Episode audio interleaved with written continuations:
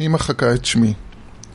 בטרם הולבנו פניי והושחר שמי, הייתי ארש, מושיעה הגדול של איראן, ששמו הולך לפניו. גיבור הטור תהילה, שבגופו הגן על הממלכה, ובעירי חץ מקשתו, השיב את תפארת גבולותיה. בהבל פיה כיבתה המורה את השמש הגדולה. על ממלכת בני ראג' נפרסה עלתה שחורה, ובקרב בני טור שמחה מהולה בתדהמה. איך נפלו גיבורים, ויאבדו כלי מלחמה.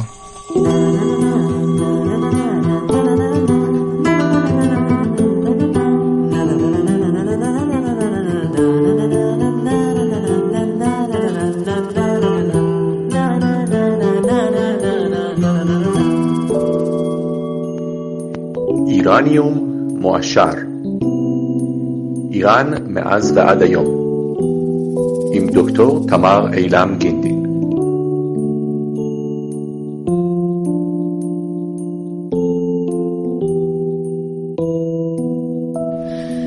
שלום, גיא ארש לוויאן. שלום, דוקטור תמר אילם גינדין. צלחתי את זה בשלום. כן. אה, זה השיר שאני הכי אוהבת. חוץ מזה שאני מאוד אוהבת את השם הרש, שהוא שם מאוד, אה, הוא באמת שם של גיבור, שם חזק כזה. אתה עשית ממש תחקיר לפני שכתבת את השיר. לא רק שעשיתי תחקיר, גם למדתי ממך על תולדות אה, הרש הרבה יותר לעומק ממה שידעתי. אבל אכן, קראו לי על שם הגיבור ארש הקשת, ארש הקמנגיר. וגדלתי עם הסיפור הזה שאני גיבור, אבל אף פעם לא התעמקתי באמת. ידעתי שזה גיבור מיתולוגי, ידעתי את הסיפור ככה בקווים כלליים, ואז כשישבתי לכתוב את השיר הזה, בדיוק הכרנו על רקע פרסום הספר האחרון שלך, נדמה לי, ב-Head Start. גיבורים, מלכים ודרקונים, מיתולוגיה איראנית לכל גיל, פרסומת סמויה. מדויק. ואז יצרתי איתך קשר בתחילו ורחימו, אני חייב לומר, כי תמיד כשאני שומע אותך, בייחוד כשאת מדברת פרסית, אני מרגיש כמו איזה כפרי. אני יכולה גם לדבר מדוברת. עדיין. את יודעת, יש הבדל אדיר בין כשלומדים את השפה מהלשון לבין שלומדים את השפה משמיעה בבית. הפרסית שלך היא משהו יוצא דופן, אז את זה, בואי נאמר את זה, וגם הידע שלך... תודה, תודה, חבליית נזרה. וגם הידע שלך הוא יוצא דופן וזהו, ושוחחתי איתך ככה על הרש, ופתאום הזכרת לי את אבותיו של הרש, והבנתי מה, מה היו יחסי הכוחות בממלכה ומי נגד מי. והדבר הזה שובץ בתוך השיר הזה, ואני מאוד מרוצה מהתוצאה, וזו הזדמנות להגיד לך תודה גם על ה... ותודה לך על הספר שרוכים, שאנחנו עוד נדבר עליו הרבה, וכל קטע בשיחה אנחנו גם נתחיל בשיר ממנו. שמחה. אז עיראג' וטור שהוזכרו כאן, הם מבניו של פריידון. פריידון שמו הקודם של רוהני, אם אנחנו רוצים בכל זאת לקשר איכשהו לאקטואליה. והסיפור היה שבני טור ניצחו את, את איראן, לקחו להם את כל הממלכה. אתה רוצה להמשיך או שאני...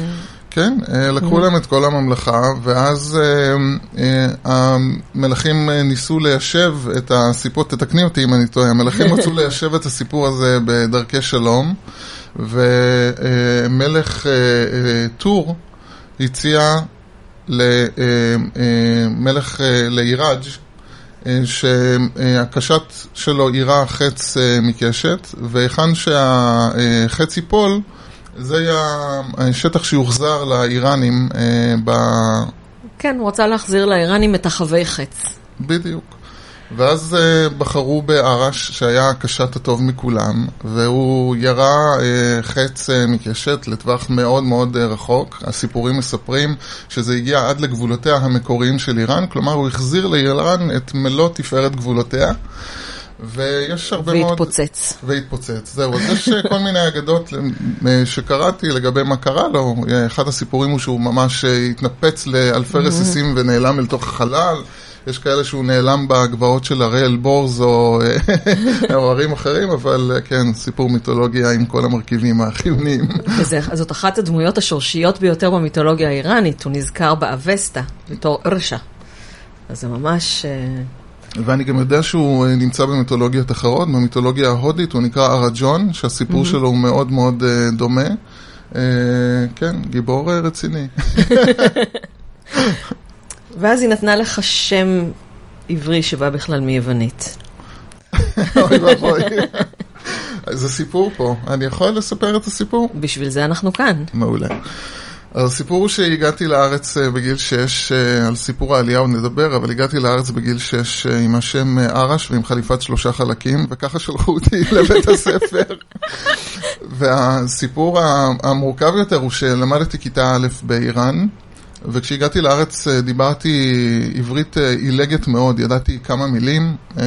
למדתי בתפר, שזה בית ספר יהודי, ודודתי הייתה המורה שלי לעברית, אבל עדיין העברית שלי הייתה מאוד מאוד בסיסית. ואימא שלי כן, התעקשה... כן, באיראן למדו, למדו לקרוא את התפילה. למדו את האותיות כדי יותר, לדעת כן. לקרוא את כן. התפילה. היינו מתרגמים את אה, בבא עבדד לאבא נתן מים. זה היה בערך הדברים שידעתי. כן, אבל מה שיפה זה שבבא עבדד זה כאילו אותיות מאוד נכון. מוגבלות ורק תנועה אחת כדי ללמוד את ראשית כן. הקריאה בפרסית. זה לא קשור לאבא נתן. לא קשור. אבל זה היה בערך הדברים. אני לא בטוח אפילו שאת הפעלים זכרתי, ידעתי אבא, אמא, לחם אולי, דברים כאלה. ואימא שלי התעקשה שאנחנו ניכנס ל... שאני אכנס לכיתה ב'. שהיום במחשבה לאחור בתור אבא זה נראה לי מעשה נורא ואיום. אה, למרות שהיא עשתה את זה ממקום שהיא רצתה בטובתי, שאני לא אפסיד שנה, ואימא שלי גם הייתה מאוד גאה ולא הייתה מוכנה... מה יגידו? ש... כן, הבן שלי נשאר, אה, נשאר כיתה, חס וחלילה. אס בעלילה. אס בעלילה. אז אה, זהו, הגענו לפתח הכיתה, וזה היה בבית ספר הנשיא בבת ים, והמורה יצאה לקראתנו החוצה. והיא שאלה אותי לשמי, ואמרתי לה שקוראים לי ארש. היא ככה הסתכלה בהיסוס, ואני מניח שמתוך אינסטינקט אימהי, ממקום חיובי, היא אמרה, תשמע, אני חושבת שיהיה לך קשה עם, ה... עם השם הזה, ואני מציעה לך לבחור שם עברי. והיא מיד הציעה את השמות של שני ילדיה, היה לה שני בנים בשם גיא ושי, והציעה לי לבחור באחד השמות, ובחרתי בגיא. ומרומי הרי אלבורס ירדתי עמוק לגיא. ומאז אני גיא, אני אגב מאוד אוהב את השם הזה, והוא גם uh, ככה מתחבר טוב. ולפני כמה שנים, אחרי איזשהו חיבור uh, לשורשים, הוספתי את ארש כשם אמצעי, ואז היום אני גיא ארש לוויאן. אמ, אז בואו uh, באמת נתחיל, uh, נתחיל מההתחלה. היום אתה, נתחיל מהסוף ואז נעבור להתחלה. אה, היום אה, אתה עורך דין בדיי ג'וב שלך כשאתה לא כותב שירים? נכון. אה, נכון, במקצועי אני עורך דין, אני עורך דין מסחרי כבר 16, 16 שנה. היום אני עובד בחברת כביש חוצי ישראל, באגף המשפטי, אני ראש אגף זיכיונות. אה, לכן היה לך ספר לפני שפרסתי פה את הסטודיו, היה פה ספר חוקים של כבישי אגרה. בדיוק ככה. אז uh, אני מתעסק ביומיום שלי ב, בכל הצד המשפטי של uh, זיכיונות בתחום uh, כבישי האגרה. מה, כאילו, הזיכיונות זה האלון בצד הדרך? האלונית בצד לא, הדרך? לא, זה או... הכביש עצמו ממש, כמו כביש 6, כמו מנהרות הכרמל, כמו... יש זכיינים שונים? זה זכיינים שונים ש... הקימו, מה... תכננו, הקימו ומפעילים את הכביש מהכסף שהם הביאו, לא שהמדינה נתנה, mm-hmm. ובתמורה לזה הם, הם מקבלים גובים. דמי שימוש מהציבור. אני ראיתי באחת הנסיעות האחרונות שלי צפונה פרסומת כזאת, יש כביש 6 חדש בצפון והוא לגמרי נפרד וגבייה נפרדת, כאילו זה משהו טוב. את נוגעת פה בנקודה מאוד מאוד כואבת. אה, זה נכון, בקרוב מאוד, אה, בשבועות הקרובים אמור להיפתח הקטע הצפוני של אה, כביש 6, ממבואות יוקנעם עד סומך. ואנחנו מאוד ניסינו, מדובר בשני זכיינים שונים, אין מה לעשות, הם זכו mm-hmm. במכרז, זה לא משהו שאפשר כמובן להתערב בו. ניסינו מאוד שתהיה אחידות תפעולית או אינטרופרביליטי בשפה מפוצצת, כלומר שהם יוציאו חשבון מאוחד. לפחות שקיפות למשתמש, כן. לצערנו הרב לא הצלחנו להגיע להסכמות בעניין הזה, ומי שייסע בכביש 6 מיוקנעם צפונה יקבל חשבון נפרד מזכיין אחר, ואם הוא רוצה להיות uh, מנוי... אפשר להשתמש לפחות באותו פסקל? פסקל, לא. בחלק וואו. הצפוני אין פסקל, אז uh, כן, צריך להירשם כמנוי. זה עניין שלוקח uh, ממש uh, חצי דקה, דקה לעשות את זה בטלפון. אז uh, לא לנסוע בקטע הצפוני עם המנוי של הקטע המרכזי, אתם תקבלו קנס. אחר כך אומרים שאיראני מועשר לא פרקטי. לגמרי. אמ, אבל עכשיו בואו נלך להתחלה. אנחנו נתחיל כל קטע בשיר, ואז אה, נדבר עליו. אחלה. אז אה, אנחנו כבר חילקנו תפקידים מי קורא איזה שיר, עוד לא קיבלנו את הסכמתם של, של הקוראים, ליתר דיוק את הסכמתן של הקוראות, אה, אבל אני אציג אותם, מקסימום, כן. מקסימום יהיו קוראות אחרות. מעולה. אז אה, בבקשה, נדיה. הקולינה. בקומה השנייה חדרים דוממים, הווילונות מאובנים, המיטות קרות, ארונות הבגדים וכונניות הספרים שפופים ושוממים. בחדר שינה של נדיה ודיאנה נותרה רק הבובה, הקולינה. הקולינה שנבחרה בקפידה מחנות הצעצועים של אבא ניצבת על שידה גבוהה, מלכותית והדורה. שמלתה קטיפה כחולה, אבני חן מחרוזת לצווארה, מאז נסעו כולם לארץ, שאסור לומר בקול את שמה. רק אני משחק איתה, עיניה הירוקות הגדולות, בוערות לרווחה, על פניה חיוך שקפה. היא כבר לא לובשת את אותם בגדים. לא, אימא שלי, אימא שלי שהיא תופרת, אה, היא, היא הייתה, זיכרונה לברכה, הייתה אה, אישה ברוכת כישרונות, אבל אחד מה... אה, אחד מהכישרונות האלה היה תפירה, והייתה תופרת לה בגדים מרהיבים, אז היא הייתה לבושה ב... אה, אה, שמלת קטיפה כחולה, מרהיבה מיני, אמא שלי הייתה ככה מציצה בכל עוד הז'ורנלים. מתקופת השאה, עוד כן. מתקופת השאה, כן. והייתה לה מחרוזת אה, פנינים כזאת אה, על ה- על הצוואר, והייתה נראית מהמם. אז אה, עכשיו, איך אני יודעת שהיא כבר לא לובשת את זה? אה, כי הקולינה, ואתם תראו גם את התמונה שלה בגוף הפוסט, אה, ניצבת כאן, יושבת על אה, מדף הספרים, ליד איזה ספרים אלה?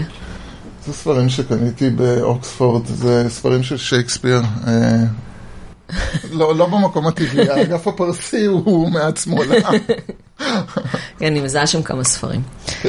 שלך. אה, אז בוא תספר לנו על הקולינה ואיך היא הגיעה ללבוש את החולצה הסרוגה הוורודה הזאת. אה, זו שאלה טובה. אה, קודם כל, הקולינה הייתה במקור הבובה של אחותי, האחיות שלי, נדיה ודיאנה. היא הייתה בחדר שלהם בקומה, בחדר שלהם בקומה השנייה.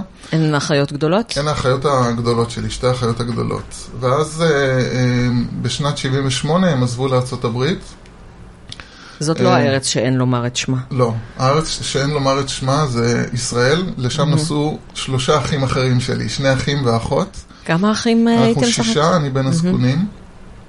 אז השתיים הגדולות נסעו הברית, ובפער של מספר חודשים אחד מהשני, שני אחים נוספים ואחות שלי עלו לארץ, כל אחד לבד אגב, שאחי צור אה, עלה, היה בן 12, שהוא עלה לבד עם מזוודה לארץ אה, איך- לפנימיות. איך קראו לו באיראן? מנסור. הם עלו לפנימיות, להדסים ולאלוני יצחק, ואני נשארתי לבד עם ההורים שלי, שזה שינוי אה, אה, דרמטי אה, לעבור מבית מאוד שמח, מאוד הומה, שאני מרכז תשומת הלב ומרכז העניינים כל הזמן, ופתאום אני לבד, וברקע יש גם מהפכה שמשפיעה מאוד. ואחד מנקודות האור שלי הייתה הקולינה. הייתי עולה לבקר אותה בקומה השנייה, על המדף שהיא ישבה עליו בקומה השנייה, ולפעמים גם הייתי מחבק אותה ובוכה מגעגועים לאחים שלי. והגיעה לארץ אה, בדרך מופלאה. אה, למעשה הרכוש שלנו כולו הולאם, אבל הדודים שלי הצליחו להוציא כמה תמונות מהבית כשאנשי משמרות המהפכה זרקו את תכולת הבית הלא שמיש מבחינתם ל- לרחוב. הם אספו כמה תמונות ואספו גם את הקולינה. וכשהם נסעו לארצות הברית, אח שלי פגש אותם שם והביא לארץ אה, אחר כבוד את הגברת הקולינה שיושבת כאן. אה, סיפור, ואנחנו מאוד אוהבים אותה, היא חלק מהמשפחה. כן, אז אה, אתם תראו בגוף הפוסט את התמונה, בובה בת אה, 40 פלוס, וואו, כן. כן, שיושבת פה על המדף. אה, אז בוא, בוא נלך אבל לפני שכל האחים עזבו, באמת הילדות שלפני המהפכה. הילדות של לפני המהפכה, שאני זוכר, הייתה ילדות מאוד מאוד מאושרת. אה, אה, כמו שציינתי קודם, הייתי, אני בין הזקונים והייתי מרכז תשומת הלב, אז זה לבדו מספיק. אבל גם האווירה הכללית שאני זוכר באיראן, אה, הייתה לי ילדות, הייתה לנו חצר ענקית עם עצי פרי, היו, בעל, היו לי בעלי חיים, ברווזים וחתולים ו, וארנבות. בטהרן? בטהרן, בחצר הבית. ו... ולאבא הייתה חנות צעצועים כנראה, או, לפי השיר? נכון מאוד, וזה נקודת אושר חשובה מאוד לילד. נקודה מאוד חשובה לילד. הבן שלי כל הזמן, אמא בואי נלך לחנות צעצועים, בואי נלך לחנות צעצועים, ועכשיו עם החגים, כן, שסגור יום כן יום כן, זה קשה. אז כן, לאבא הייתה חנות צעצועים מאוד מאוד גדולה, באיזה פסאז' קרוב לארמון השח, אני ממש זוכר את זה, לפעמים גם הייתי הולך איתו לחנות. והיו לי את uh, State of the Art של הצעצועים. היה רובוט uh, תוצרת יפן שהחזה שלו היה נפתח והיה יורך עצים, זה היה כאילו, זה נשמע מדע בדיוני, והיה לי... זה גבול הרובוטריק. לגמרי. והיו לי תמיד את כל הקלמרים הכי משוכללים עם המגנטים, וסוס עץ, ומכונית עם פדלים, ו... אז אה, כן, ובכלל, החיים באיראן, את יודעת, בתור ילד אתה לא ער לכל ה... הדברים הקטנים, לאנטישמיות הקטנה ול... ולתחושת פחד. המהפכה מאוד חידדה לי את זה. אה, אבל אה, לפני כן, אה, משפחה מאוד גדולה, אירועים שמתקיימים בחצר, חתונות ובר מצווה ובית כנסת, וזכור לי נורא לטוב. אתה עכשיו יודע על אירועים אנטישמיים או תחושות אנטישמיות שההורים שלך נתקלו בהם, או אנשים אחרים בהחלט במשפחה? בהחלט כן, בהחלט כן. Uh, אני חושב שגם בתור ילד uh, נחשפתי אליהם מהסיפורים, אבל uh, לא, לא, לא ידעתי מה המשמעות שלהם. אתן לך שתי דוגמאות.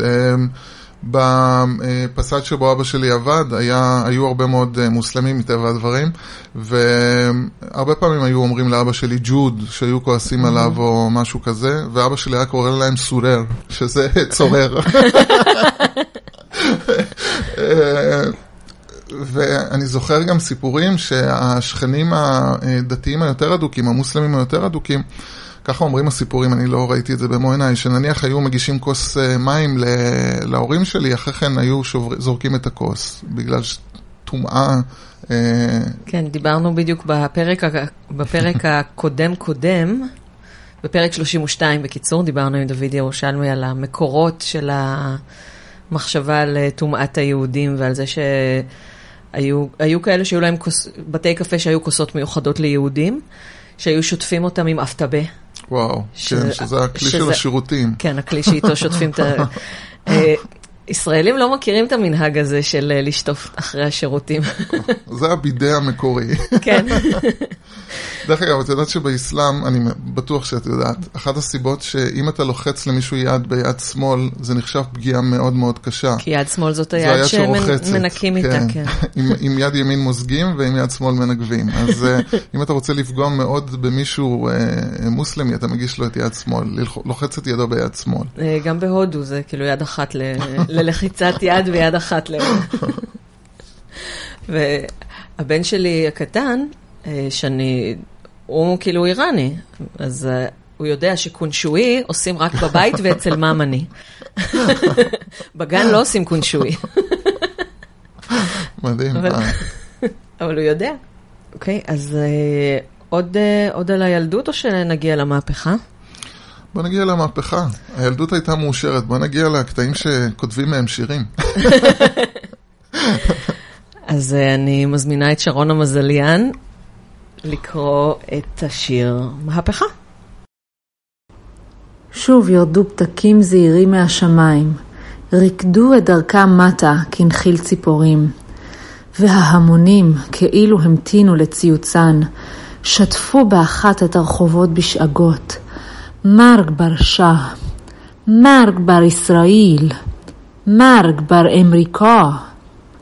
ואז יללות הסירנות, נהמות משאיות הצבא, מטחי יריות עמומות ואחריהן דממה. אבל היום זה חדר ללב השכונה, כמה צעירים התגודדו, הדליקו מדורה והשליכו לתוך הספרים ותמונות של השע. וכשנשמעה השריקה שפיזרה אותם בבהלה, ראיתי את חסן, שגר בקצה הסמטה, מטפס מעל החומה האדומה, מסתתר בזווית החצר שלנו כחיה פצועה. בקומה השנייה, מאחורי וילון התחרה, מבעד למסך העשן ודמעות הבגידה, התחוללה בליבי הקטן מהפכה. וואו. אמ, יש פה מיליון דברים לשאול רק על השיר הזה. ממתי, ממתי הזיכרון הזה בערך? הזיכרון הזה הוא כנראה מ-78 מאוחרות, 79, זיכרון אותנטי, אה, מה- מאירועי המהפכה שלא פסחו גם על הרחוב שלנו, על הסמטה שלנו, יותר נכון. מתי באמת התחלתם, התחלתם להבין שקורה משהו? אני חושב שב-78, שכבר אה, אה, הפרעות ככה, ההתנגדות לשח, בוא נאמר, אה, גברה, והיה דיבורים על זה שחומייני חוזר, וכל מיני אה, כאלה, ההורים שלי הבינו ש, שמשהו קורה.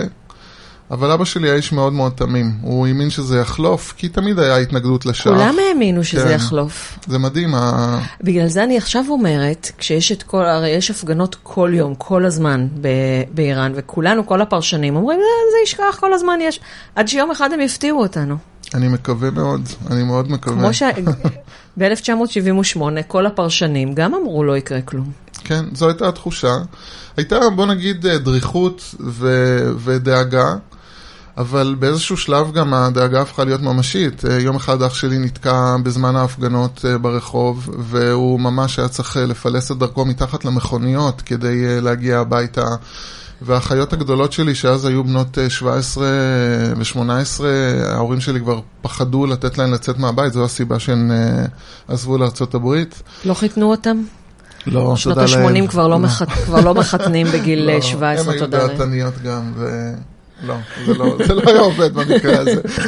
אז הם... אה, והם, אה, אבל הם באמת, אבא שלי היה מאוד תמים, אימא שלי ככה יותר אה, חשדה, וכל הזמן אמרה לאבא שלי, בוא תקנה איזה דירה בישראל, בוא זה, ואבא שלי סירב, וזה היה בעוכרינו, כי זה קרה ממש, אה, המעבר הזה מלא להאמין לזה שנטרפו כל הקלפים היה מאוד מאוד בהיר. ה- 16 בינואר, 1 בפברואר, 11 בפברואר.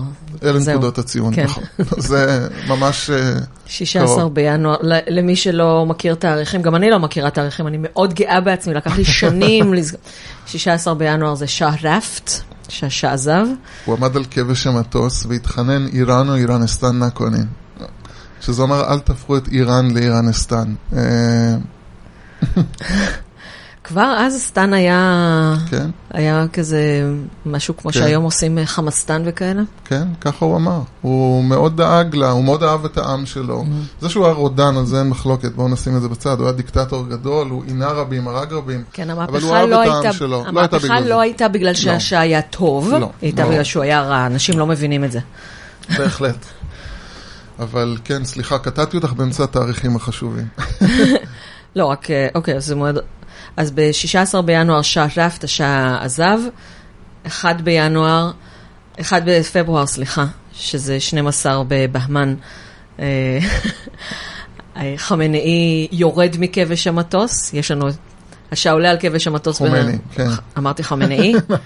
אסור, אסור לתת, אסור בדרמה אחת לתת לשתי דמויות שהן כל כך דומה. לגמרי באותה סצנה. ב- אני לומדת עכשיו כתיבה, בזמן שאני כותבת את המלכה עם מעיין אשכולי, אז אני בעצם לומדת ממנו, כי הוא יודע לכתוב. אז הוא לימד אותי שאסור שתי דמויות, אסור נגיד ערן ועידן, אז חומייני וחמינאי, זה נורא. נפלתם על הראש. אמ, אז יש... אז השעה עולה על כבש המטוס ב-16 בינואר, חומייני יורד מכבש המטוס ב-1 בפברואר. יש את התמונות, יש את השחזור, כל 12 בבהמן. בשנים האחרונות כן, מביאים. דמות קרטון כזאת מגוחכת. הם לא טובים בעמדות. כן, לא, הייתה איזה שנה שדמות הקרטון השתתפה בישיבות ממשלה, כאילו, באמת. אה, וב-11 בפברואר, שזה 22 בבהמן, זה יום ניצחון המהפכה, זהו, זה תוך פחות מחודש. כן, אז זה היה באמת ככה כל החיים שלנו למעשה, אה, שם אה, בערך נפלה ההבנה שאי אפשר להמשיך להיות, ואז שיגרו גם את השלושה האחים הנוספים ב-79 לישראל. על המטוס האחרון כזה? לא, לא כזה דרמטי, אבל קרוב. הסיפור שלנו עם העלייה הוא, אנחנו הגענו ב-79, הם עלו לפי דעתי בתחילת 79, אנחנו ב... חופשת אה, בית הספר, אה, יולי-אוגוסט, הגענו לבקר אותם ב-79. חופשת בית הספר באיראן זה שלושה חודשים מסכנים ההורים. כן, פה, אז פה היא בסדר, יחסית, כן, זה עוד קצת מיוני ועוד קצת מ... אז הגענו לבקר אותם ו- וחזרנו לאיראן, שההורים שלי תכננו להתחיל לגשש, למכור את החנות, את הבית, אה, להוציא את הרכוש. אה, מחיר הדולר התחיל אה, להמיר, וזה היה גם נורא קשה להיפטר מרכוש, כי, כי כולם, כולם רצו, מכרו. כן, כולם רצו לברוח. נכון, אז לא הצלחנו, וב-80 באנו לבקר אותם שוב, ביוני, ואחרי שבועיים שהיינו פה, התקשרו קרובי משפחה ואמרו, תקשיבו, אין לכם לאן לחזור. אין לכם לאן לחזור. על החנות של אבא שלי ציירו מגני דוד, ואמרו, זה ציוני, הוא בישראל כרגע. החנות הולאמה ראשונה, משמרות המהפכה השתלטו על החנות ולקחו אותה פשוט. ואז הבנו שאנחנו נתקענו פה, שאין לנו לאן לחזור. את הבית, עוד אה, חבר של אבא שלי גר קצת אה, תקופה מסוימת בבית, אבל גם אז השכנים הנהדרים אה, הלשינו, אולי ההורים של חסן מהשיר, אני לא יודע. זה, זה יפה שאתה אומר שח וחסן כדי שהישראלים יבינו. אבל את, אני... שח אני... וחסן. נכון. זה נכון. ה... כן. אמ, ולמעשה הם אה, הודיעו לנו אחרי כמה חודשים שהלשינו שאנחנו לא נמצאים ושמי שגר שם זה למעשה חבר של אבא ולא הבעלים המקוריים של הבית שהם נמצאים בישראל ודודה שלי ובעלה ניסו ככה ללכת אה, לטעון בבית המשפט שזה כן ושהם חוזרים ושהם נתקעו ושפה אה, הבהירו, הבהירו להם היטב שלא כדאי להם להתערב בעניין הזה, אנשי משמרות המהפכה. וגם שלא כדאי לכם לחזור. וגם שלא כדאי לנו לחזור. ואז השתלטו לנו גם על הבית, בית דו-קומתי עם החצר, שזה הזיכרון הכי מתוק שלי מאיראן. והבית הולאם. לפני איזה שנתיים-שלוש, אה, ככה, החלטנו באיזה ארוחה משפחתית ללכת לגוגל ארט ולראות מה עם הבית, והרימו על הבית הזה גורד שחקים. אתה יודע שאתה לא חייב ללכת לגוגל ארת, יש מפות יותר טובות. אה, אני, אם אני זוכרת נכון, זה map.tehran.ir. אה, נהדר. אה, אם לא, אני בכל מקרה אשים קישור מגוף הפוסט. אתה יכול לעשות טיול בטהרן 3D, כאילו פנורמה. אתה פשוט הולך ואתה מסתכל מסביב, כיכר אזאדי, וכמעט כל טהרן ממופה ככה. מדהים, אני אעשה את זה. כן, תיתן לי את הכתובת, אני אשים גם בגוף הפוסט את התמונה של הגורד שחקים. אם יש לך תמונה של, אה, של הבית, אז נשים גם יש להשוואה. יש לי איזו תמונה מהחצר מצוין, נשים mm-hmm. שלי. עם אמא שלי לא רואים את כל הבית, אבל צריך להבין, אין לי הרבה תמונות, בגלל שאנחנו mm-hmm. עזבנו כ... תיירים לחזור. בישראל כדי לחזור, בדיוק, והכל, יש לי מעט מאוד תמונות ילדות, ובשנים האחרונות עם התהליך של החזרה לשורשים, אני פונה לכל בני המשפחה ומבקש למי שיש תמונות מהילדות שלי, בבקשה, ושולחים לי, אז uh, כן, uh, זה יהיה מעניין. וואו. Uh, מה זה הפתקים האלה בשיר? הפתקים האלה זה זיכרון שיש לי, היו מטוסי הצבא כנראה, כי הצבא הרי נשאר נאמן ל, ל, לשח. עד, עד הרגע האחרון ואחרי, נכון. היה גם ניסיון הפיכת נגד נכון. שכשל. אז הם כנראה היו מפזרים, אה, כמו שאנחנו מפזרים היום, אה, להבדיל, כן, בשטחים. אה, כנראה הם מטילים עוצר, או מודיעים איזו הודעה שלא כדאי לצאת מהבתים להפגין וכאלה, ואני ממש זוכר את המטוסים האלה טסים נמוך. ומפילים ארגזים של פתקים כמו פתקי הצבעה בקלפי, כאלה, mm-hmm. ואני זוכר אותם ככה יורדים מהשמיים כמו איזה נחיל ציפורים, כמו איזה זיכרון שחרוט לי. התנועה שאתה עושה עם היד זה כמו נוצה.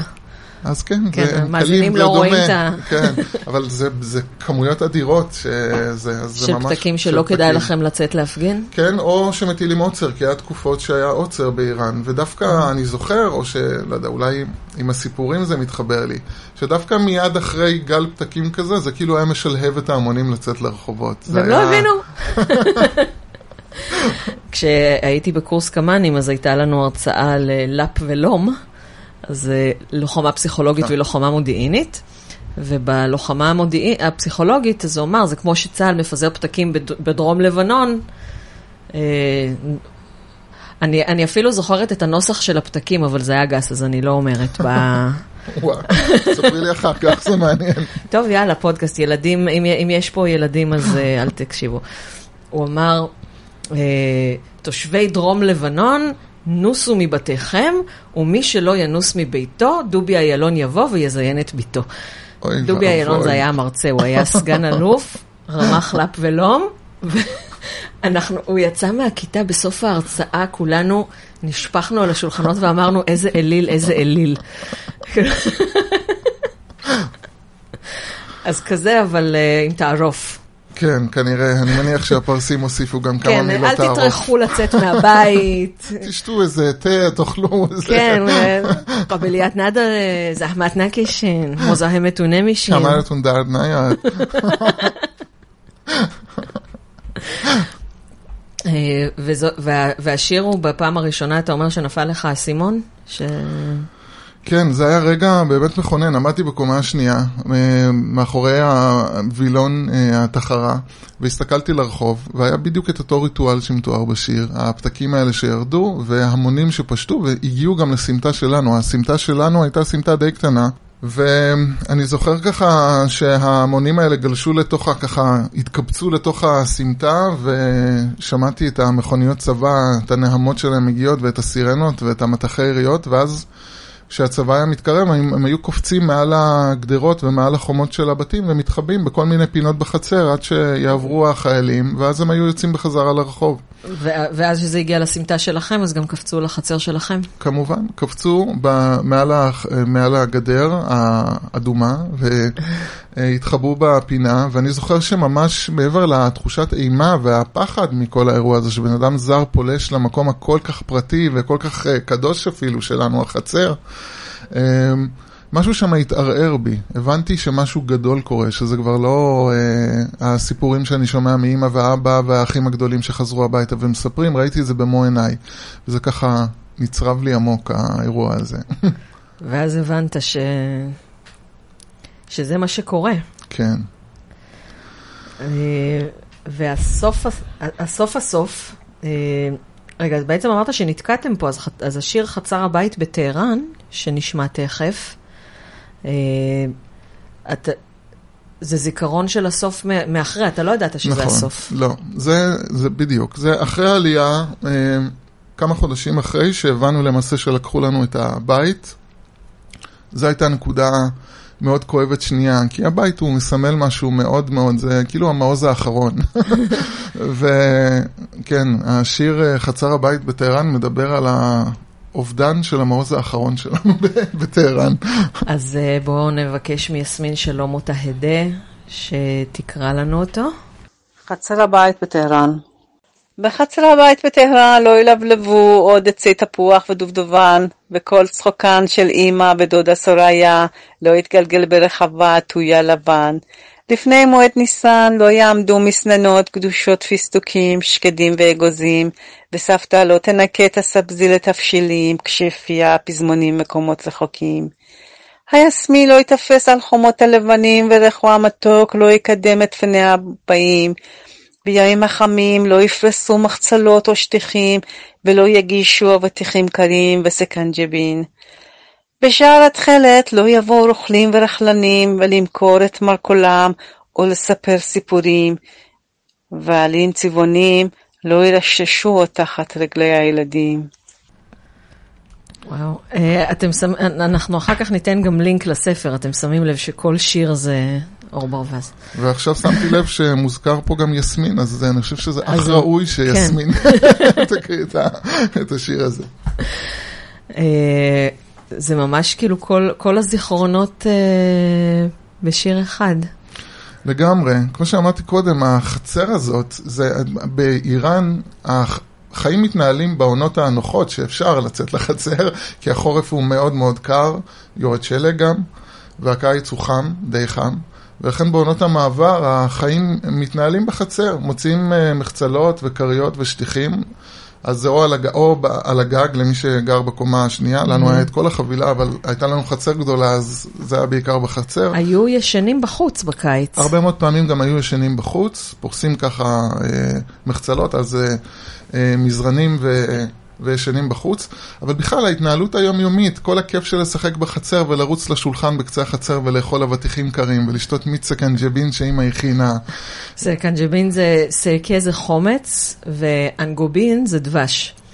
אז אה, זה למעשה אה, אה, סוכר, מים ועלי אה, נענה, שעושים מהם תמצית, ואז אה, מערבבים את זה עם אה, מים קרים, עם קוביות קרח, וככה המהדרין שמים גם כמה עלי נענה בכוס בשביל היופי, וזה אה, המרענן הרשמי האיראני. בכל בית באיראן כן. יש סקנג'בין. אגב, את הסקנג'בין נוהגים לאכול גם עם חסה. תרגיע אותי למה, אני לא יודע, אבל היינו טובלים חסה בסקנג'בין ואוכלים, זה נורא טעים. וואלה, אני אנסה. זה מזכיר לי את פסח קצת. נכון, יש מצב שזה היה באזור הפסח שעושים את המנהג הזה. כן. בפסח אה, טובלים חסה. במי מלח. כן, או במי מלח או כן. בחומץ, כן. אה, וסבתא שנקטע סבזי, סבא וסבתא גרו איתכם? לא, כבר לא. כשאני נולדתי כבר לא, בעבר כן. אה, סבתא שלי, סבא שלי נפטר הרבה הרבה לפני שנולדתי, אז הוא לא היה בתמונה מאז שאני זוכר את עצמי. זה הבאסה של להיות בן זקונים. לגמרי. אבל אה, סבתא והדודות גרו בקומה השנייה של הבית שלנו, ו... אבל הם עזבו הרבה לפני שאני נולדתי, כמה שנים לפני, אבל עדיין סבתא כמו סבתא מגיעה בחגים, לפני החגים, לנקות את ערימות הסבזי שהיו פורסים בחצר לייבוש אחרי שרחצו אותם וואי, זה- ופוצצים. זה- זו- זאת הסיבה שאני כמעט לא עושה רול מסבזי. כלומר. החלק של לנקות את הירוקים, זה בכלל, זה גם את הירוקים וגם את האורז שהיו קונים בשקים, זה לא כמו היום, אנחנו מכניסים. כוס, צריך לברור, היו יושבים עם טס על הרגליים ובוררים ומוציאים את האבנים הקטנות ואת החיטה שהתגלגלה פנימה, ואותו דבר עם העדשים ועם ה... עם כל הקטניות, אה, היו מנקים הכל ונורא מקפידים ונורא מדהים. אה, עקרונית אה, דתיים עדיין נכון. בוררים, ועל על כל אורז שאתה קונה אז כתוב יש לברור לפני השימוש או כאלה, אני לא יודעת אם זה זה כסת"ח דתי או בגלל שלפעמים כן מתפלקת איזה אבן. אני מניח ששני הסצנריונים כן. יכולים להיות נכונים. אני כן. לא בוררת ולפעמים מתפלקת איזה אבן. זה לא נורא, יש רופא שיניים. כולם צריכים עבודה. אז, אז, ה... אז בעצם השיר על החצר זה... זה שיר זה- פרידה, זה סוג של כן. שיר פרידה. זה ממש פרידה, מעבר לחצר הפיזית, זה פרידה מהתקופה, זה איזושהי הבנה של ילד בן שש וחצי, שזה לא, לא הולך להיות אותו דבר, שזה, הפרק הזה נגמר, שמשהו נסגר פה באירוע הזה.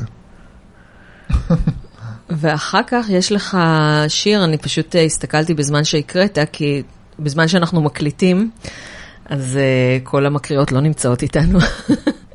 אז uh, הרש קורה, אני, אני אקרא לך הרש, יאללה? אני מוכן שאת תקראי. הרש במלרע, אני אומר. הרש, ב... כי נורא קשה, בייחוד בתוך השיר הזה, להגיד Mm-hmm. הרש ב... במלרע, זה הורס ככה את הטמפו של השיר. אבל ההורים שלי קראו לי הרש, כן. Uh, בעיקרון, כשמדברים על מישהו, uh, אז, אז אומרים את זה במלרע, ארש, אבל כשקוראים למישהו, מה שנקרא ארש, ווקטיב, נכון. זה ארש. נכון. פאטמה, פאטמה, פאטמה, אני, אני לומד ממך כל הזמן, תמר. זה מדהים, את לא חושבת שזה מדהים שאני לומד על, ה, על איראן ממך? זה מדהים. מעבר לזה שאת מדהימה, בלי קשר, אני מדבר על הקשר תודה, החברתי, בחורה מבית שאין לו שום אה, נגיעה, וזה אני כל פעם נפעם. אה, האמת היא שדווקא בלשן צריך לבוא מבחוץ. כלומר, נכון, חוקר, אני חוקרת יותר טובה של פרסית מאשר של עברית, כי בעברית יש לי קשר רגשי, וגם זה מובן לי מאליו, אז אני לא שמה לב לדברים. נכון, אלא אם כן מישהו שואל אותי, ואז אני אומרת, וואלה. אבל אה, דובר ילידי, פשוט זה ככה, אז לא שמים לב. ו- ואני שמה לב. אה, הייתה, אני עכשיו כבר לא נוסעת לחו"ל אה, מאז שמשמרות המהפכה ביקרו במחשב שלי ושלחו כמה דמויות שניסו לפתות. אותי להיפגש בחו"ל, אבל הייתי נפגשת הרבה עם איראנים בחו"ל, וכל פעם הייתי באה עם איזושהי משימת ריגול. מה זה משימות הריגול? להקשיב אני זוכרת, הייתה איזו שנה שהמשימה שלי הייתה להקשיב איך הם מבטאים פסוקיות. יצא לי מזה ריקוד הפסוקיות שאני מלמדת בכיתה. ואנשים לא שמים, כשמדברים לא שמים לב, אבל זה ממש ריקוד כזה. כן? זה טה טה טה טה טה טה טה טה טה טה. האינטונציה של פסוקיות. אה, אז גם זה היה חלק מ... לא ידעתי שיש לי משימת ריגול כזאת, אבל אה, הייתי, אצ... הייתי בין, כאילו עם שלושה חברים, שכל הזמן, כשהם דיברו אחד על השני, אז זה היה פאטמה, וכשהם דיברו, כשהם קראו לה, זה היה פאטמה. אז אמרתי, וואלה, איזה יופי. יפה. לא הייתי ער לזה. אז זה התחיל מזה שאמרתי, שאמרתי שאני אקרא לך הרש ולא גיא ב, בשיחה, אבל עכשיו אני כבר לא זוכרת מה רציתי להגיד. אופס. אה, אמרתי שאתה מקריא מהספר, שהרש מקריא מהספר, והיה שם משהו על מלחמת יוני 1980. נכון. זה אנחנו ניתן למאזינים לקרוא לבד, שיקנו את הספר. מעולה. מה זה מלחמת יוני 1980? מלחמת יוני 1980 זה בדיוק החידוד של מה שאמרתי קודם. אה, זה סיפור אה, די אה, כואב. זה פחות או יותר קרה בסמיכות לסיפור שהבנו שלקחו לנו את הבית. אז כשהגענו לפה לא היה לנו פה שום דבר. הייתה לנו פה שתי מזוודות עם בגדים, כל מיני דברים שהבאנו לאחים שלי. הם מוזכרים באחד השירים פה, רדיו טפסוני, קסטה אחת, עוד לא היה אפילו דאבל קסט. ושני שטיחים פרסיים שהבאנו, ושמיכות כאלה כבדות מאיראן עם ציורים של טווסים כאלה על... זה, זה מה שהבאנו. לארץ ולאבא שלי היה, היו בערך 2,000 דולר בכיס. אז מקום מגורים לא היה לנו, וגרנו אצל קרובת משפחה בבת ים, והכסף אזל לאט לאט, ואימא שלי, שהייתה קוסמת בעיניי, הייתה מכינה לי לחם עם חמאה וסוכר. ואני זוכר שזה יום אחד ככה, היא, הייתה איזו מחלוקת בינה לבין הקרובת משפחה שגרנו אצלה, ועבר, והיא לקחה אותי עם שתי הפרוסות לחם, זה היה בדיוק זמן ארוחת הערב שלי, והלכנו לשבת על ספסל בבת ים, ושם היא הגישה לי את, ה, את הפרוסות לחם האלה, וזה עוד, היה עוד, את יודעת, יונה וולך אומרת שתת הכרה נפתחת כמו מניפה. אז ההבנה הזאת של משהו פה משתנה ללא הכר, מגיע בשלבים. שלב אחד היה הבית, כמובן, העלייה לישראל, זה שנתקענו פה, הסיפורים, לראות את הדאגה על הפנים של ההורים. אבל גם ברגע הזה של ההבנה הזאת של אנחנו ברחוב, את יודעת, זה נורא סמלי לשבת על ספסל ברחוב ולאכול. אז זה היה כאילו תחושה כזאת של תלישות, של זהו. וואו. סיפור אחר, כן. אז בואו בוא נדבר באמת על העלייה. כלומר, אחרי שנופל האסימון, אז אתם עולים. את השיר סל קליטה, אני ממש ממש מקווה שממני תסכים לקרוא. אני גם. ממני הבייביסיטר של הבן הקטן שלי, וסבתא של תלמידה שלי. ובפוקס יצא שהיא גרה מאחוריי ומדברת פרסית. עלתה לפני uh, 15 שנים, אולי 20 שנה, מאיראן. Uh, ושמה האמיתי יפה. אז uh, בואו uh, נקווה שיפה תסכים לקרוא את זה. סל קליטה שתי שמיכות, עטורות, טווסים. שני שטיחים رادیو تیپ سونی و مسلما. شنید خاصو برای گه اخران لمیزوادار. شیشاک ساعت می بیتکه به شخونا شولخان اوخل شدود یکو ایتکین مدلت اتس یاشانا. او مپا اخد گدولا. شدودا کیودیا בתבונה. מקרר וחיריים יד שנייה מהשכונים מקומה ראשונה. ואישה טובה אחת אלמנה נתנה כורסה בודדה. זה מה שהיה. זה סל הקליטה. זה סל הקליטה. אני לא יודע מי מכם עלה לפה לארץ בשנות ה-80, אבל בשנות ה-80 לא היו נותנים כסף למי שעלה לארץ כדי להתארגן, אלא היו נותנים לה מוצרים, מה שנקרא בעין, מקבל...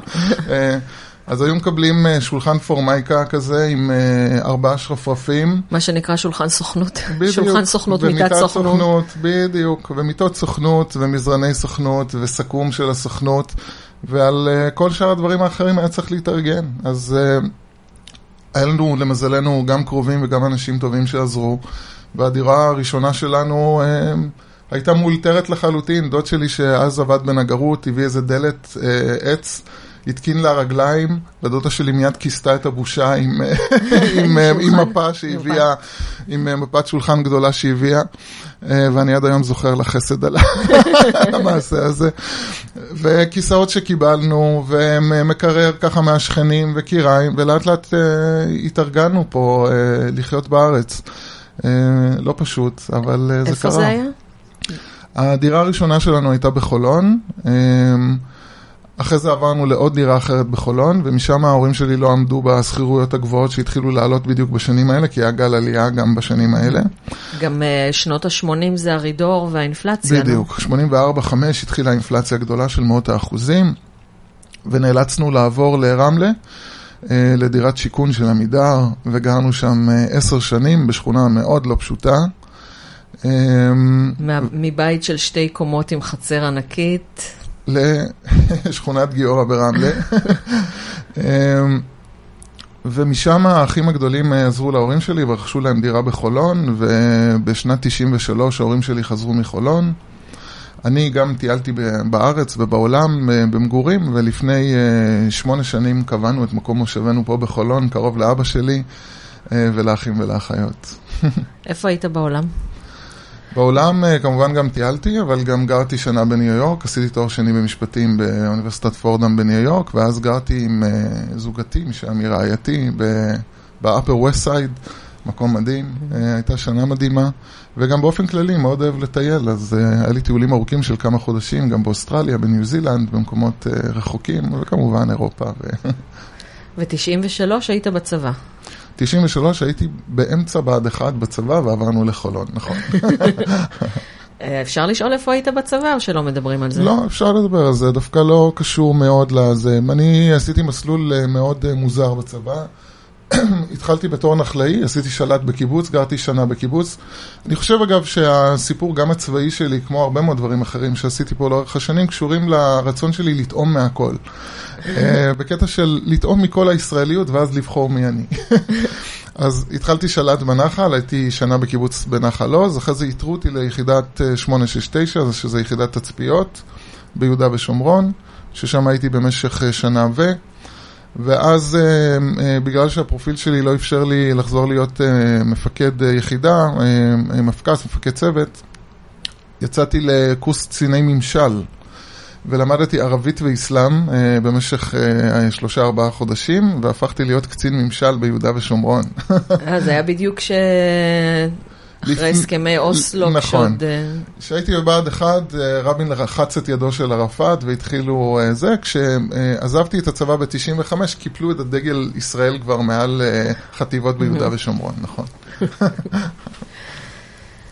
אבל אנחנו רק בעלייה, בעצם היוני 1980 הזה שאתה מדבר עליו, זה לפני תחילת כיתה ב' אמרת. יוני זה ממש אה, שבוע, שבוע, כמה שבועות לפני תחילת הלימודים בכיתה ב', בדיוק. כלומר, כש, כשממש עליתם לארץ, איך, איך באמת אה, קיבלו אותך ילדים ו... את נוגעת בנקודה שאני ככה מאוד מתעסק איתה בשנים האחרונות. אני חייב לומר לך שיש לי בור שחור, לדוגמה, על הרבה מאוד, על הרבה מאוד דברים. כנראה זה מנגנוני הגנה, אבל אה, אני אתן דוגמאות. אני לא זוכר את המצב שלא דיברתי עברית. אני זוכר את היום הראשון בבית הספר, את ההתחלה, אבל אני לא זוכר לדוגמה לאורך זמן את עצמי לא מדבר עברית. אני כן זוכר את עצמי מהרגע שדיברתי עברית טובה.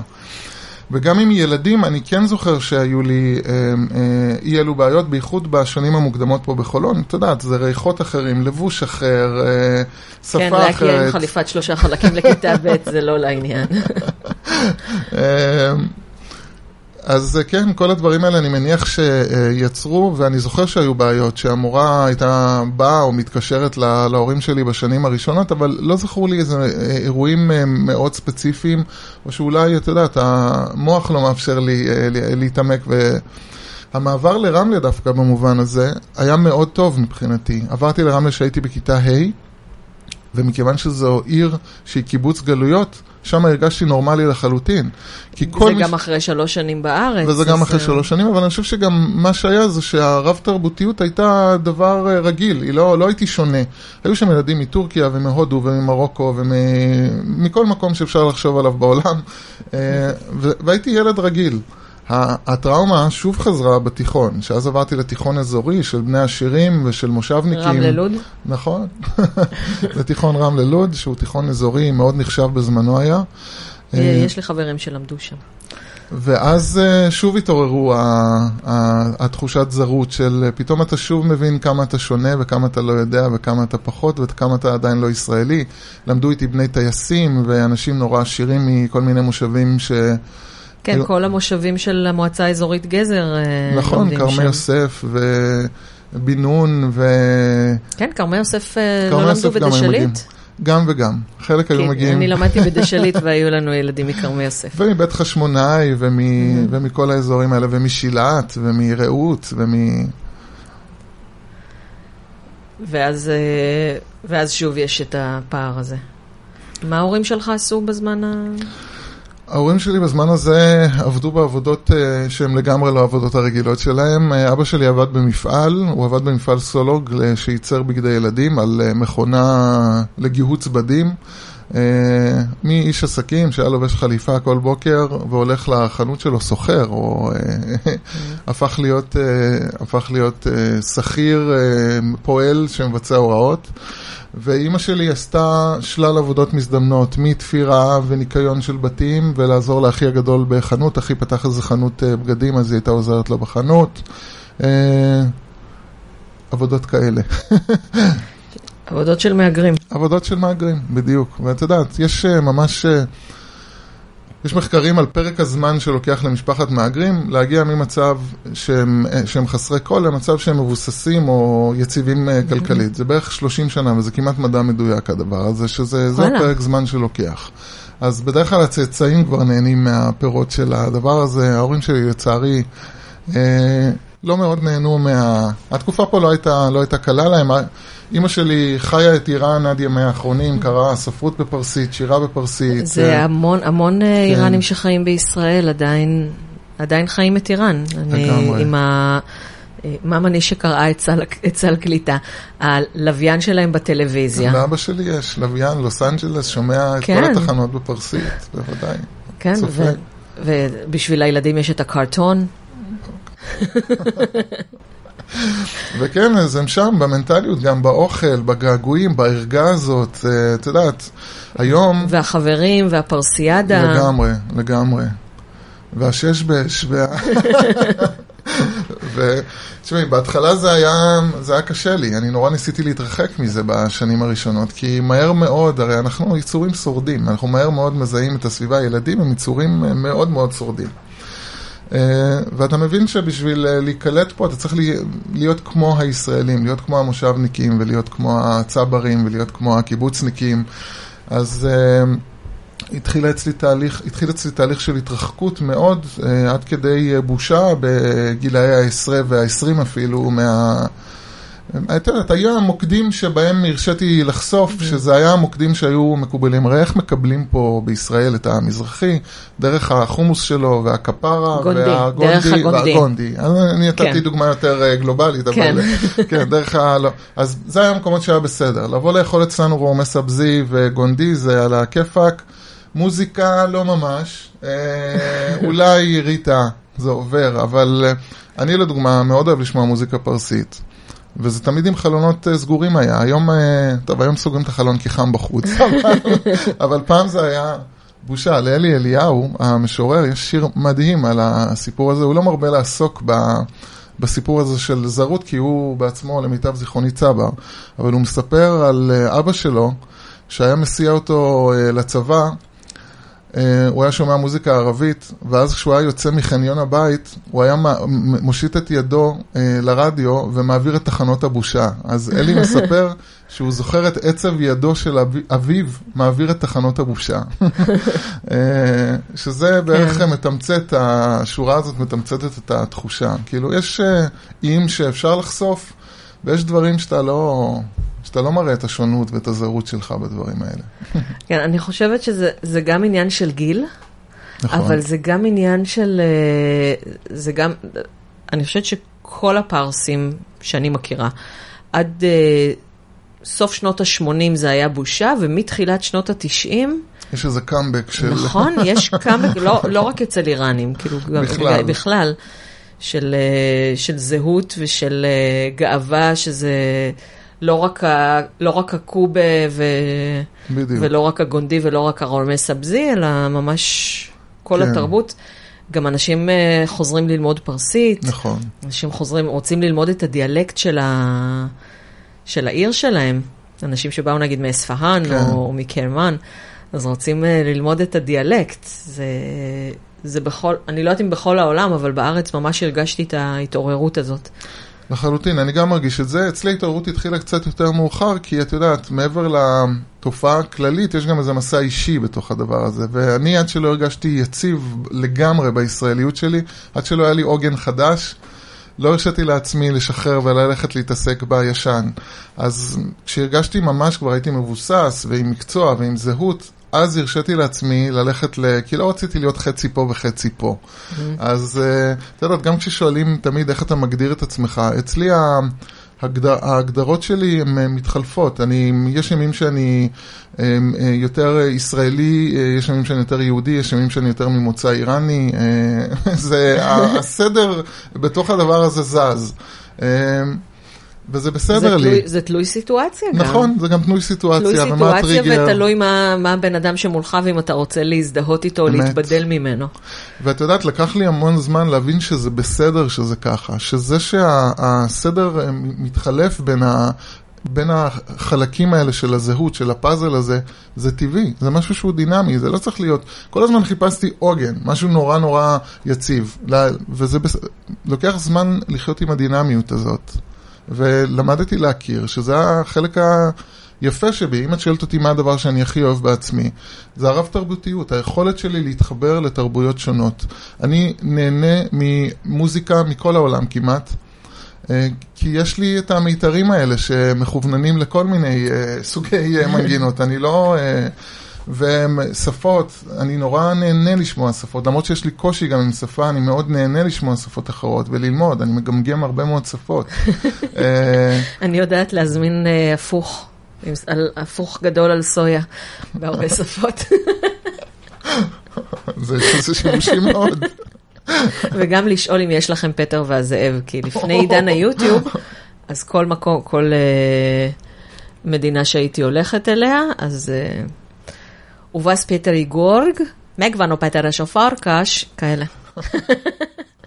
אפרופו אה, אה, מה שהזכרת, עם ספרות ילדים, זה בור עמוק שיש לי, כי עד גיל 6, אה, לא, הגעתי לפה בגיל 6, לא נחשפתי לספרות לא ילדים. י... אה, מעשה בחמישה בלונים, איה בלונים, פלוטו. איה פלוטו, שמולי קיפוד, שיש את הגן שלו מעבר לכביש פה, לא ידעתי. החיבור הזה נעשה עם- דרך הבת שלי, ש- שהתחלתי להקריא לה סיפורים, שהייתה תינוקת ו- ופעוטה, אז uh, זו הפעם הראשונה שנחשפתי בעצמי ל... וזה מאוד uh, ממלא את ה... הרי יש לך את זה כמו בניין שחסרות לו כמה לבנים בשורה הראשונה. אז דרך הילדות של הבת שלי מאוד השלמתי את הלבנים האלה. מזכיר לי, הבן שלי, הגדול, עומר, עשה כיתה א' בבית הספר היסודי שאני עשיתי בו בית עד ו'. ולילה לפני שהוא uh, התחיל כיתה א', חלמתי שאני באה לבית ספר והמזכירה אומרת לי שאני צריכה לעשות שוב כיתה א'. אני אומרת לה, אבל יש לי דוקטורט. אז היא אומרת לי, כן, אבל עשית פה רק בית עד ו', לא עשית פה כיתה א'. ואז עומר עשה שם רק כיתה א', ובית עד ו' הוא עשה בבית ספר אחר. אז... אה, זה מדהים שהדברים האלה רודפים אותנו. אני, הרבה פעמים מתעורר עם אה, זיעה קרה ואני חולם שאני צריך עוד להגיש איזה עבודת גמר בתואר השני או כל מיני, זה עד היום מלווה אותי. אמ, אז אה, בואו, אנחנו כבר התחלנו לדבר על זה, אבל בכל זאת בואו נשמע את אה, חנה ג'האן פורוז, אה, שתקרא לנו את גאולה, ואז אה, נדבר על כל, על השלמת כל המרכיבים בזהות, וגם על הבת שלך. נכון, שזה הכי חשוב.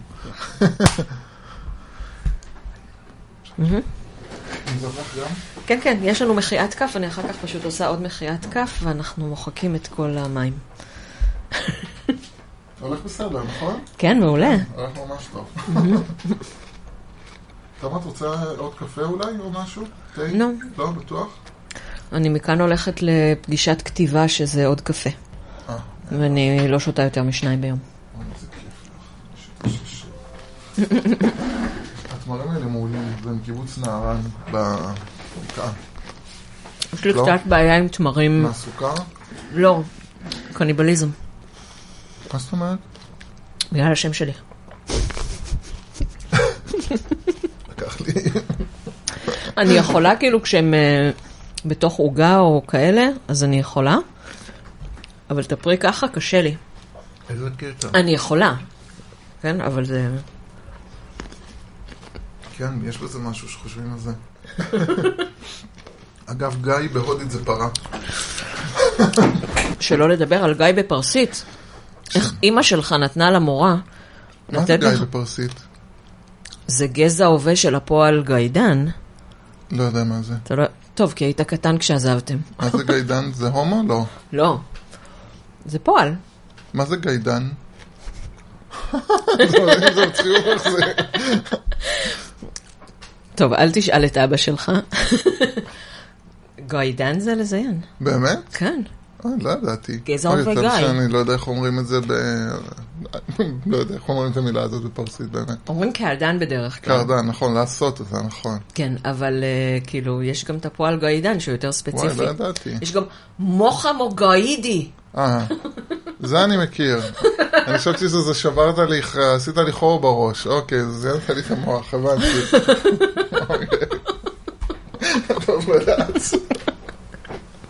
אוי אוי. טוב, לפחות אם זה היה אמיתי, הפועל הזה היה, כאילו, היה מכיר עליי. היה- לפחות משהו, אבל... לא, אבל זה בעצם מראה שההבדל בין אה ואה הוא מאוד חשוב. כן. ומכיוון שהאה הישראלית יותר דומה לאה, אהה. אז כנראה, נכון. אז אימא שלך כנראה לא קישרה בין גיא וגוי. לא. אחרת היא לא הייתה נותנת לך לבחור בשם קטע. הזה. ואמא שלי דיברה, בניגוד לאבא שלי, אמא שלי דיברה פרסית מדהימה. אבא שלי לא, הפרסית שלו היא לא מושלמת. יש לו, אני לפעמים שומע טעויות בזה, אבל אמא שלי הייתה לה פרסית ממש טובה. אנחנו צריכים להשאיר חלק מהשיחה הזאת, אז uh, אני לא אמחק כף שוב, אני פשוט אראה את מחיית הכף ו... נראה, אולי אני מתלבטת אם להשאיר את זה פה, או להעביר את זה ל- לזה של השם. נראה לי שאני אשאיר פה. פחות עריכה. אוקיי, אני מקווה שלא אמרתי שטויות. חומותיי לא נכבשו ולא שוחררו. הן לא עתיקות ולא קדושות. הן מהחומר ומהלבנים של הארץ הזאת, והונחו על כתפיי הדלות, בידי גנרלים שיכורים וסתומי עיניים. חומותיי נבנו בידיי האזוקות, באזיקי הזרות והגרות, על איי החרבות של מחוזות ילדותי. והנה בא היום, ואיני ירא עוד מנפילות החומות, מבין ההריסות אחלץ אוצרות, שברי מנגינות, חלומות מאובקים, רסיסי ילדות. אה, אז חנה קראה את גאולה, אז זה, זה על ההשלמה בעצם. כן, זה נקודת האיחוי. השם של הספר, לפני שהוא נקרא שרוכים, אה, השם שהוא היה אמור לקבל זה נקודת האיחוי. ואז אלי אליהו שערך את הספר, אה, אמר שנקודת האיחוי לא משדר מספיק קונפליקט. כי ספר שירים, השם שלו, וזה נורא נכון, כי נקודת האיחוי זה התרה, זה פחות, זה פחות, אבל כן, זו הנקודה ש... או לפחות אחת הנקודות שאפשרו את. הנשימה הזאת של הכל בסדר, של לדעת שאני גם ישראלי וגם אה, פרסי, וזה היה לשחרר. כי במשך שנים התרחקתי מה, מהפרסיות, ועשיתי כל מה שיכול לקרב אותי לישראליות. זה בה"ד 1, וזה מ- לטעום כל דבר מהישראליות, לחיות בקיבוץ, אה, לצלוח את הכנרת ברפסודה, אה, להיות יותר ישראלי, לקרוא רק ספרות עברית, אה, להתכחש ל- ל- לכל מה שהוא פרסי, אה, הדיבור, אה, ניסיתי להיות, להיות נורא מוקפד עד כמה שיכולתי, למרות שאת יודעת, לא שמעתי עברית נכונה, לא שמעתי עברית הרבה בבית וגם לא עברית נכונה, אז הייתי צריך ללמוד לבד, ועד היום אני יודע שזה לא קל לי, אני במאבק כל הזמן, אני כל הזמן לומד. אה, אני יכולה לומר לך שהגדולים שלי שמעו עברית מאוד תקנית בבית, אבל מערכת החינוך הרסה אותם. אז אה, כן. את יודעת, תמיד אה, הרי אה, עולים מדברים עברית נורא חגיגית. מילים שעולים חדשות, עולים חדשים אומרים, אף צברים כן. לא יגידו אותם. אז זו הייתה העברית שלי, העברית שלי הייתה נורא הדורה וחגיגית כזאת כן, כל הזמן. במרכז האקדמי שלם, אני לא יודעת איך להגיד, המורה השני לפרסית שם, אה, הוא עלה לפני, אה, לא יודעת, שבע שנים, משהו כזה, ויש לו עברית משנאית משובחת. כן. יודע, זה נורא יפה בתור אה, למרצה שזה, אבל ילד שמדבר פרסית כזאת, זה... זה מתכונת ללאכול כאפות. לא, תראה, זה, אם הוא, כן, אין דבר כזה בתורתנו הקדושה. אבל לשמחתי דווקא המקומות האלה מאוד uh, עזרו לי, כי אני uh, הייתי תלמיד מאוד מאוד טוב, הייתי תלמיד מצטיין גם ביסודי, גם בתיכון, גם באוניברסיטה, זה היה נורא נורא חשוב לי, כי זה הפך להיות מקור הכוח שלי. הילדים צברים בתיכון היו מעתיקים ממני שיעורים. אז... אה, אה, כשאני הייתי בארצות הברית אז האמריקאים היו מעתיקים ממני שיעורים, יפה. I rest my case. אז, אז, ועם השנים ככה, את יודעת, אה, מדי פעם אה, מבליחות אה, מחשבות של מה עם החלק האחר, מה עם ה... ואני זוכר שבאיזשהו שלב תיארתי את זה, כאילו שאני מרגיש שנהייתי עץ מאוד חזק, מאוד נותן המון המון פירות, אבל חסר לי שורש, אין לי שורשים. ואז הדימוי שעלה לי בראש זה כאילו מישהו גדע את השורשים שלי באיראן, הם נשארו שם, ושתלו אותי ככה, את הגבעול בתוך האדמה פה בארץ, יש לי שיר על, ה, על הדבר הזה. אבל הגוף שלי, עם כל זה שהוא חזק ואיתן, ויש לו פירות אה, חדשים בטעם הארץ החדשה, עדיין הוא, הוא, יש בו כמיהה לשורשים האלה. זה ואני... כמו המורכבים של ה... בדיוק. של הצר, בפרדס, כן, על החוש הצר חש. קבע. כן. אז אה, זה נקודת האיחוי, מפה גם בא השם הזה, של להבין שאני חייב לחבר את השורש הזה לגזע הזה, על מנת שהחיות תחזור לו, הנשמה היתרה אה, תיכנס אליו. וזה מה שעשיתי. התחלתי להתעניין, בין אם זה לקרוא את הספרים המדהימים שלך, ו... תודה, תודה. איזה יופי, אתה עושה לי ממש פרסומת כל הזמן. ולהתעניין בסיפורים המשפחתיים, ולשבת עם אבא שלי ועם האחים שלי, וללכת לשירים שאימא שלי הותירה אחריה, ולתרגם גם uh, כמה שירים שנכנסו גם לספר, יחד בעזרת אחי ואחותי. תרגמתי אותם כי הפרסית שלי לא מספיק טובה כדי לתרגם את המילים המאוד אה, מהודרות שאימא שלי הייתה משתמשת בהן. וואו, זה, זה לא בתוכנית שכתבנו, אבל uh, נורא בא לי שנקרא שיר בפרסית ותרגום. אנחנו נוכל לקרוא תרגום, כי השירים אה, אה, בפרסית הם בידיים הנאמנות של אחי, הם לא פה, אבל נוכל אבל הוא לקרוא יוכל... ולהשלים. כן, אז כן. ש, שישלח לי תמונה ואני אקרא אחר כך. מעולה. אני ממילא מקליטה אחר כך תקציר הפרקים הבאים, מעולה, וזה. נעשה את זה. יאללה. אז בוא תקרא עכשיו את ה... את השיר של אני שלי? עושה מחיית כף כדי שאני אוכל אה, ל- להכניס את הפרסית. נראה אם אני או, או שאני אתן למאמני. כדי שיהיה לנו אותה גם עם סל קליטה בעברית של עולה חדשה וגם בפרסית הרהוטה שלה. היא למ- קוראת למ- שירה נורא יפה.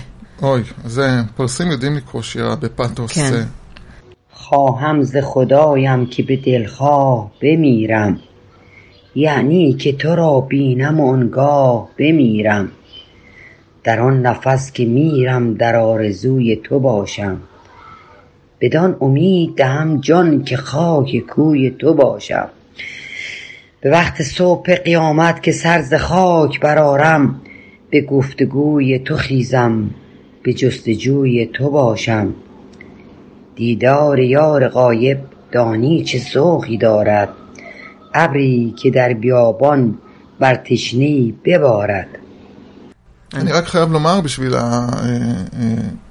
הדיוק, השירים הם אה, לא לגמרי תרגום אה, מילולי מדויק, כי אי אפשר אה, לעשות לא, זה, תראה, אבל הם... שלונסקי, אני לא יודעת אם שלונסקי אמר, הם מייחסים את זה לכמה אנשים שתרגום הוא כמו אישה או שהיא יפה או שהיא נאמנה. ויש לי פוסט. יש לי פוסט בבלוג, תרגום עם שערות ברגליים, על תרגום שהיינו צריכים לעשות טבעי. אבל בשירה אי אפשר, אי אפשר. אי אפשר. אבל זה פשוט לתפוס את הרוח של השיר, זה הרעיון. אוקיי, ואתה תקרא את העברית. השיר נקרא שירים שכתבה אמי. כל רצוני שירבו הרגעים שתהיה במחשבותיי. כך ימתקו מדבש לילותיי וצוף יציף את ימיי. כל מבוקשי לשאת את שמך ללא הרף על דל שפתיי. עצם אזכרת שמך כרפרוף אלפי נשיקות על פניי. לו הופעת אהוב נסתר, הייתי לוחשת לך דברי האהבה בחשאי. אני מבקשת מאלוהי שאמות ברצון. זאת אומרת שאראה אותך ורק אז אמות.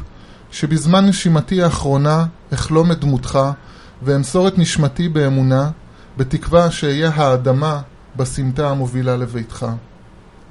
ביום התחייה, כשאקום מהאדמה החרבה, מיד אזכיר את שמך. אתרוצץ לכל עבר לחפש אחריך לשיחת שחרית.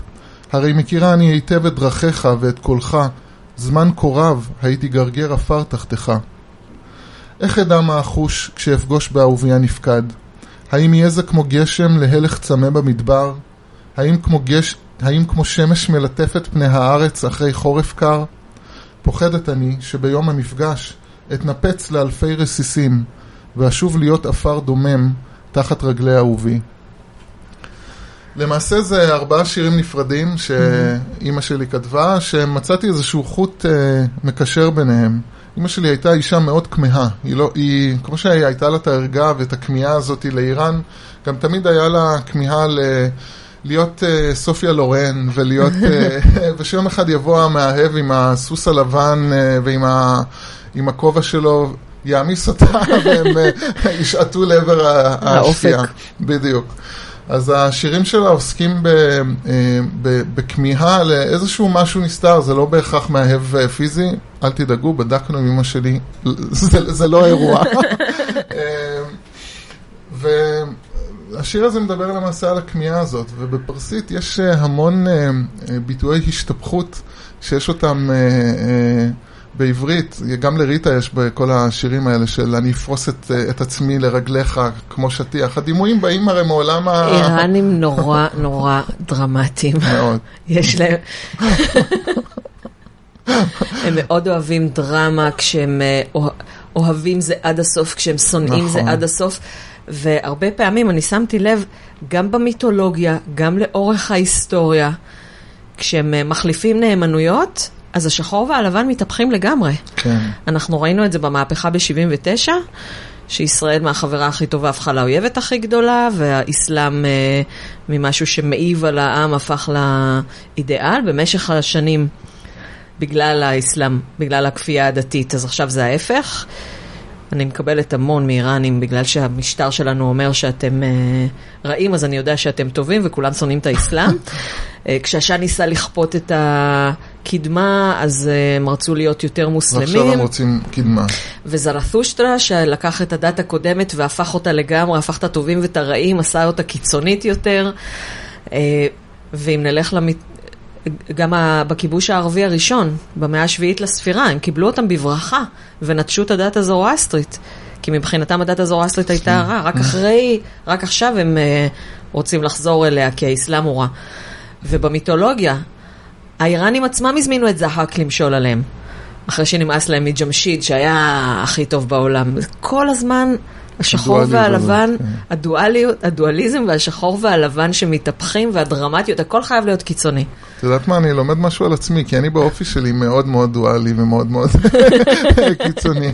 אני, האהבות שלי הן אהבות מאוד אה, סוערות, והשנאות שלי בהתאם, וכן, אולי זה משהו... זה, זה אה, נורא איראני. כן.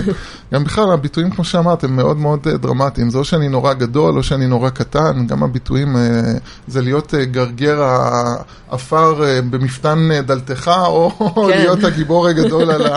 על ההר. לא, גם, גם מה זה תערוף הרי? זה כן, שאתה לגמרי. מקטין את עצמך ומאדיר את השני, מן קוצ'יקה קוצ'יקה שומם. אסלן ג'יולתם. זאת קריקטורה שכל פעם שהדולר עולה, אז. אני הריאל שלך, אתה הדולר שלי. יפה. אמ, כן, אז אה, הדימויים הדרמטיים האלה מאוד... אה, את יודעת, בשירה העברית זה נורא. קשה להכניס ביטויים דרמטיים, אז היה לי מאוד נוח להשתמש פה באימא שלי כדי להכניס קצת מה... כי השירה העברית היא מאוד האתוס הישראלי מאופק, הוא- הוא מאוד כן. אה, פנימה. כן, אני לא יודעת, האמת, אני לא יודעת אם זה בגלל זה, או, או פשוט בגלל שאלה השירים, אבל אני בדרך כלל ממש לא מתחברת לשירה. כן. אה, ולספר שלך ישר, כאילו, ממש ממש אהבתי והבאתי גם לאימא שלי, וכן, איזה כיף. אני... קשה לי להתחבר לשירה, אני לא יודעת אם להגיד אמיתית, אבל כל המשוררים כאילו הנחשבים. למרות שגם זה משתנה היום. אני חושב שהתפיסה שהשירה היא נחלת מעטים היא כבר אה, עוברת מהעולם. אה, הרבה מאוד אנשים היום עוסקים בשירה, והשירה הפכה להיות אה, משהו הרבה יותר יומיומי, בוא נאמר, הרבה יותר שמדבר נגיש. לאנשים. בדיוק, הרבה יותר נגיש, ואני רואה חלק ב... כשאני כותב...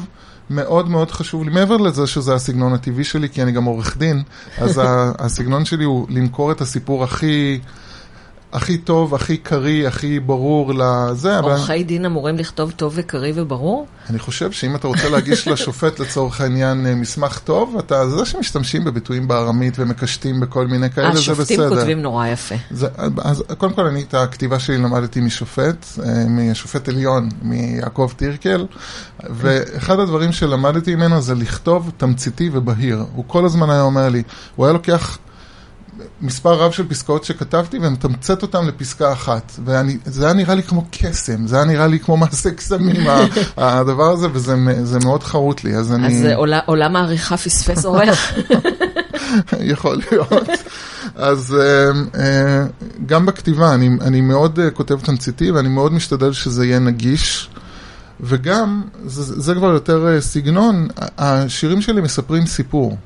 נכון. כמעט בכל השירים שלי, והרבה מאוד פעמים... ואתה מבין מה, ו- ומבינים מה הסיפור. גם אם, כן. גם אם, גם אנשים שלא יודעים מה זה סרקנג'ובין וזה, מקבלים את ה... סיטואציה, הם, כן. הם, הם יכולים להקיש, הם יכולים להבין מה מה שקורה מסביב על, ה, על הזה. אז אני ממקם במקום ובזמן ובתוך אירוע, וזה משהו שהוא מאוד בא לי טבעי. ניסיתי לכתוב אה, פרוזה.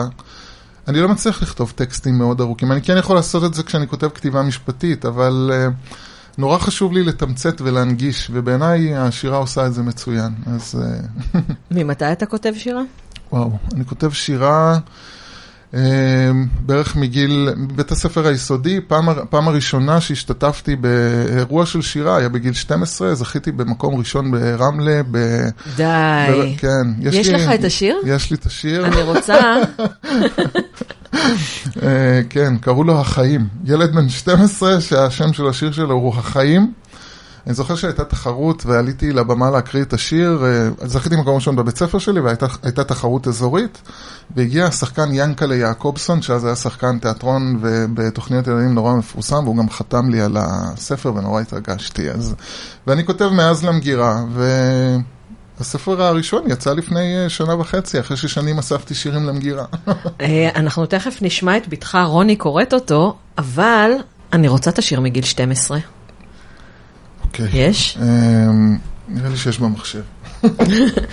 הוא לא שיר, קריית רמלה, מחלקת החינוך, הספרייה יואו, גיא, העירונית. אתה, אתה שולח לי את זה, ואני שומרת את זה בתור קובץ JPEG, יש לו פה PDF סרוק. כזה, אתה שולח לי ואנחנו שמים את זה בגוף הפוסט. 38 למדינת ישראל. וואו. מזכיר עירייה רמלה. זה בכתב יד. חוברת עלי שיר. וזה מוקלט, במכונת כתיבה. זה מוקלט תבינו. במכונת כתיבה, והשיר שלי זה זה. הנה.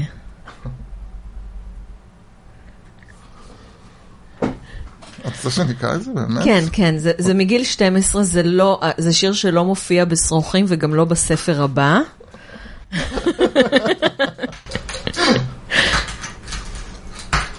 אוקיי. טוב, אני חושב שהסיפור מאחורה הרבה יותר מעניין, שילד בן 12 כותב אה, סיפור, אה, ספ, אה, שיר על, שנקרא החיים. היה אז ככה, צברתי מספיק רקורד בשש שנים האלה, מרגע העלייה עד כתיבת השיר, שיכולתי לכתוב על החיים. טוב, האמת, כאילו, כן. ההגירה זה וואחד. אירוע. זה מבגר מאוד, מאוד מבגר. טוב, החיים הם דבר כה נפלא, הם שלום ומלחמה. החיים הם צבעים בשחור ולבן.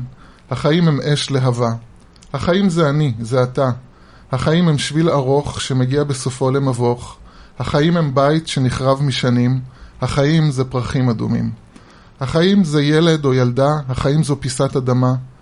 החיים זה טבע שבנוי על נוף, החיים הם חלום שחוזר תכופות, החיים זה אדם ששאף לא למות. החיים זה שלום, חיבה והמון אהבה, החיים זה הרגשת ניצחון וגבורה. החיים זה הכל, כן, פשוט החיים הם הכל. החיים מורכבים לא רק מאנשים ואישים חשובים, אלא גם מאנשים פשוטים. אז תדע אלוהים, תשמור על כולם בתקופת החיים. די, זה שיר יפה.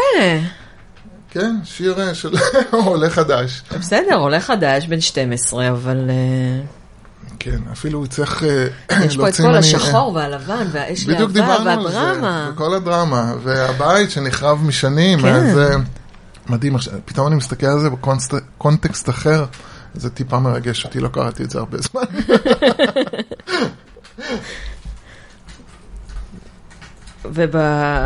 ובאזורי, לאיזה מקום הגעת? או שאין מקומות? לא, כבר לא, באזורי כבר לא היה מקומות, היה נציג מכל בית ספר שהגיע לאזורי, היינו מעט מאוד, זה, בזה כבר שם לא היה מקומות, קיבלנו איזה ספר ו...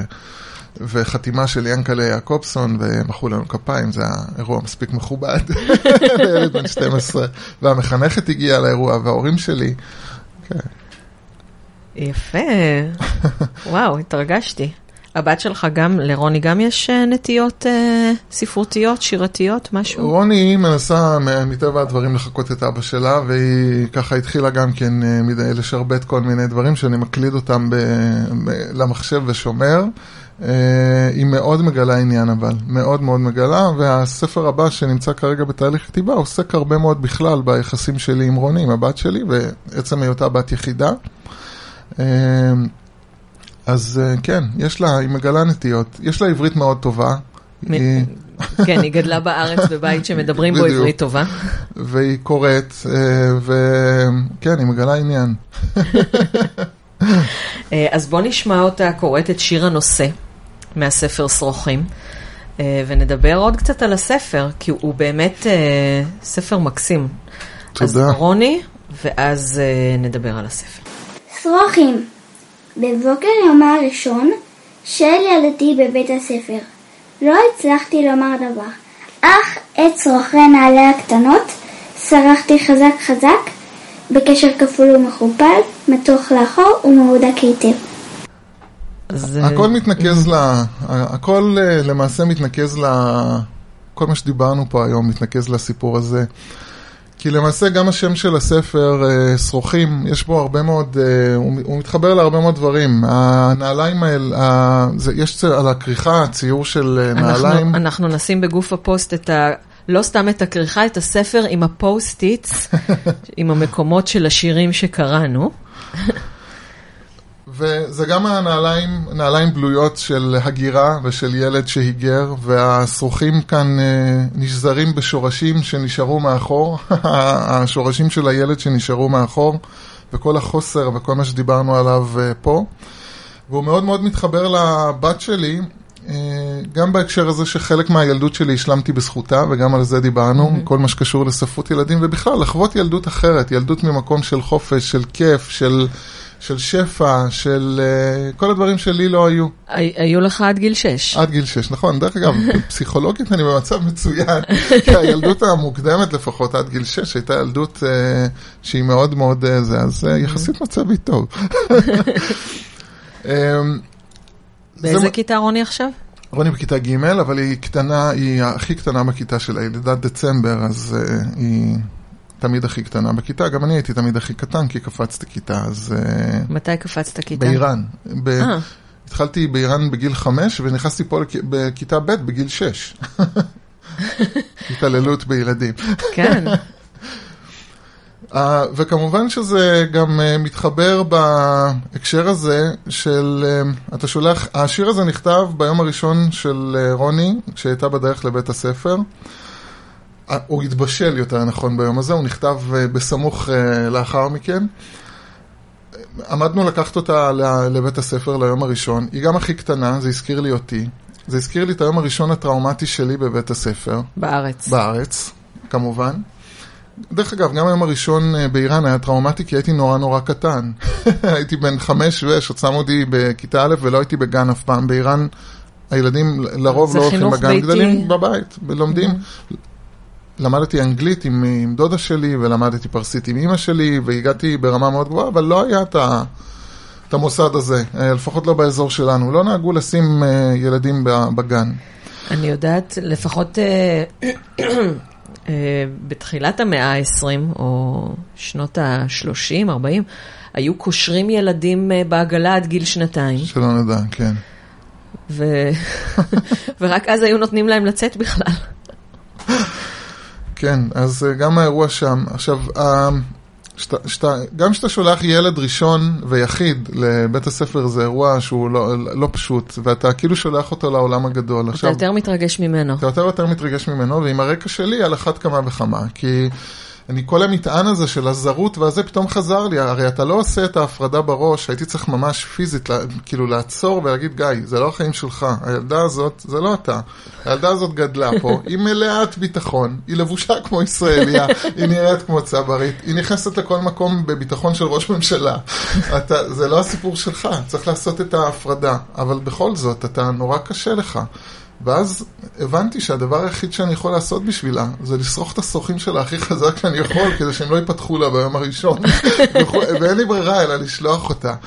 ופתאום נפל לי הרעיון, כאילו פה ממש התחברו לי כל, ה, כל הדברים האלה וגם צצה השם לספר של שרוכים שאני קושר את העבר עם ההווה והשורשים, והכל התחבר לסיפור הזה של שוחים, כי בפרסית זה נשמע פחות טוב, בן דה קאפש. כן. זה נשמע פחות, אבל בעברית אה, יש בזה, זה, כי שוחים זה מעבר לשוחי נעליים, זה יכול להיות שוחים גם במובן, לפחות בצליל מזכיר, mm. סרחים ומשהו של צמיחה ושל שורשים ו... כן, לי, לי זה, בתנ"ך יש מחוט ועד שרוך נעל, שזה גם... נכון. אה, כן. אז אה, זה הסיפור של שוחים. זהו, הספר הזה ככה היה מעיין אה, נובע, הוא פרץ החוצה. לקחתי גם שירים ישנים וגם שירים אה, אה, חדשים. אה, וגם היה לנו גם אירועים אה, פחות נעימים סביב לידה, לידה שכשלה אה, לצערנו, וזה גם כן הזין את זה mm-hmm. במידת הדיכאון והעצב שדרושים לכתיבת... אתה לא כותב על זה. בספר הבא יהיה על זה. כי אתה יודע, צריך קצת ריחוק של, אה, ריחוק של זמן בשביל כן. להצליח להתעסק, כי כשזה קרוב מדי זה כואב. אה, יש הרבה עיסוק בספר הבא בבת היחידה. אה, יש גם בלידה השקטה עצמה, יש שיר אחד שיהיה בנושא הזה, אבל לרוב זה בעיסוק בילדה אחת, שאנחנו מבינים גם כמה יתרונות יש בזה, וגם היא. בהתחלה היה לה מאוד קשה להתמודד עם זה שאין לה אחים ואחיות. אמ, אבל היא גם השלימה עם זה, והיום היא רואה את היתרונות בדבר הזה. אה, אז... אה, היא מקבל, היא במרכז תשומת הלב. היא במרכז תשומת הלב, והיא, כן, היא, גם אשתי, דרור, היא, היא גם בעצקונים. אז uh, כל האחיינים מהצד שלי, וכמובן האחים והאחיות שלי ושלה, והאחיינים, כולם מבחינתם יהיה הצעצוע של המשפחה. אז אה, כן, אני רואה את היתרונות, גם מבחינת משאבים, משאבי זמן, גם משאבים כספיים, מה שאנחנו יכולים להשקיע בה הוא כמעט בלתי מוגבל, אז uh, היא מרגישה כן. את זה, וזה ניכר. האמת היא שבאיראן uh, רוב הילדים הם יחידים. היום זו תופעה, כן, שהולכת ומתרחבת באיראן, באירופה, במקומות אחרים, mm-hmm. אבל לגור בחולון... לגור בשכון, בישראל בכלל. לגור בישראל בכלל, ובאזורים, אני אחטא בזה ואומר שיש בה אוכלוסייה מזרחית, אה, בוא נאמר, אה, רבה יותר, להיות עם ילד אחד אתה סוג של פריק, אבל אה, יש אזורים בצפון תל אביב וגבעתיים שילד אחד זה נורמלי לגמרי. אז אנחנו לא נעקור מפה, אנחנו עם ילדה אחת, זאת עובדה. תתמודדו. בדיוק. אז אנחנו נשים גם את התמונה של הספר וגם קישור כמובן. זה כיף. באמת, אני ממש ממש אוהבת את הספר הזה, חוזרת אליו מדי פעם. אה, ספר לנו, אז אתה רוצה לקרוא, סיפרת לנו קצת על הספר הבא, עוד אין לו שם בטח. יש לו שם, אבל השם אבל שמור בסוד? במערכת, זה בסוד, שלא ישתמשו בו חלילה. עכשיו השתמשו בשרוכים בשביל סרט, איזה יש חוצפה. בסרט, ויש גם ספר צ'כי שיצא, אה, אני מניח שהצ'כי לא ידע, אבל יצא סרט בארץ שנקרא שרוכים, נכון. כן. אבל אה, את יודעת, אי אפשר, זה לא פרטי שלי. אה, כן, אחרי שתרגמתי את אה, מגילת אסתר מאחורי המסכה ל-The Book of Esther Unmasked, אז גיליתי שיש גם אסתר Unmasked.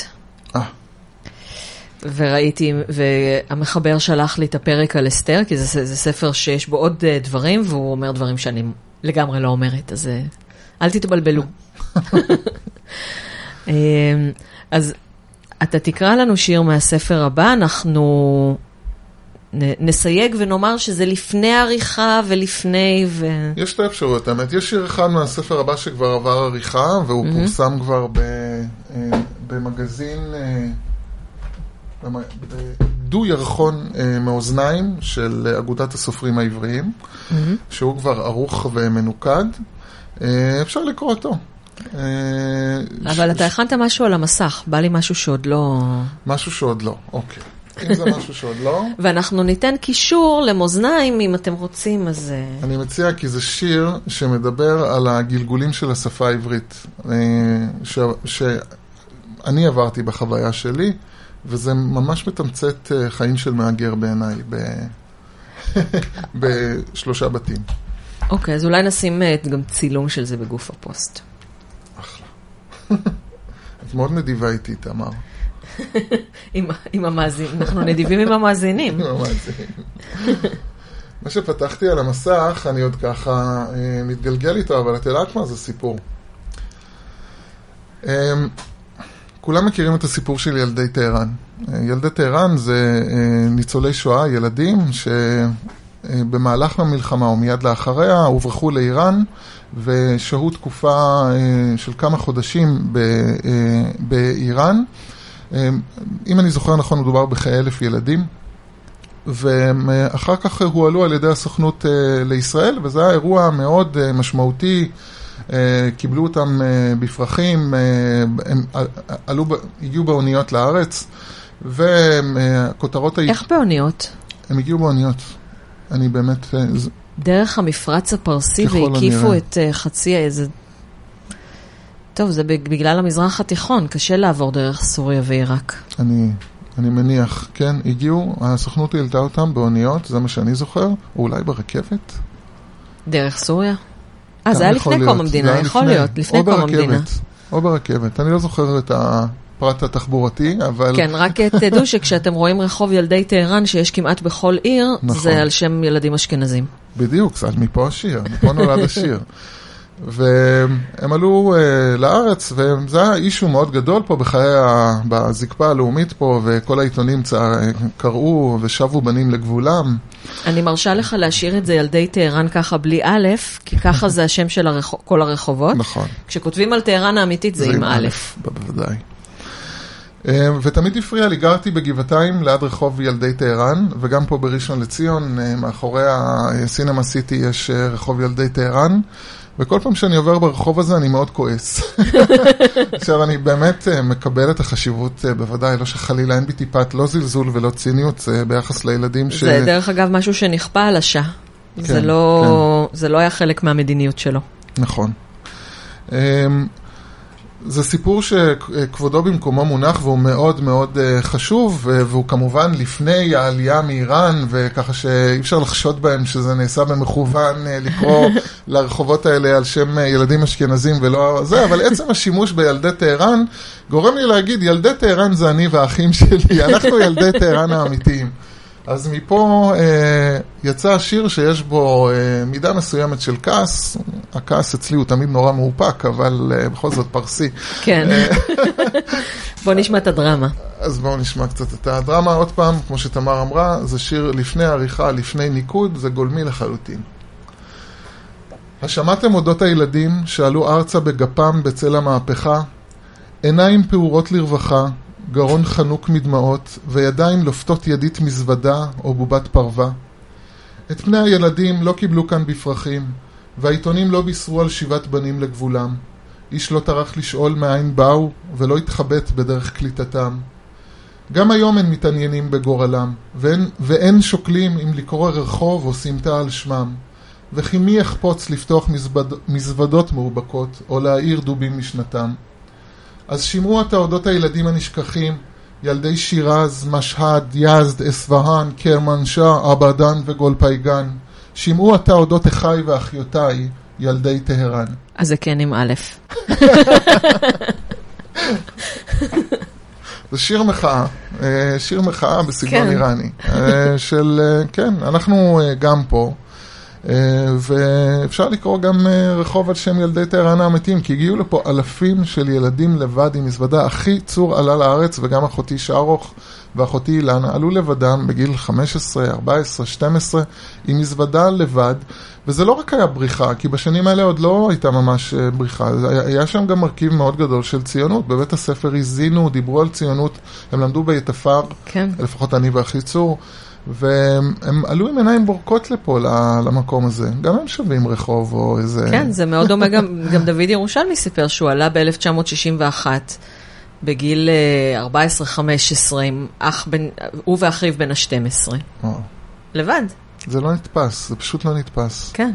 אני היום חושב על הבת שלי, בת אה, שמונה עוד מעט, שבעוד ארבע שנים אני אשלח אותה למדינה זרה עם מזוודה לבד, זה, לא, זה פשוט לא נתפס. עזוב, אם היית באיראן לפני 100 שנה, או 200 שנה, אז עוד שנה היית צריך כבר לחתן אותה. לגמרי. לשלוח אותה ל-. לעשות ספונג'ה בבית של אם הבעל. זה- יש דברים טובים בזה שהעולם מתקדם. לגמרי. יש עוד איזה משהו שחשוב לך להגיד, ש...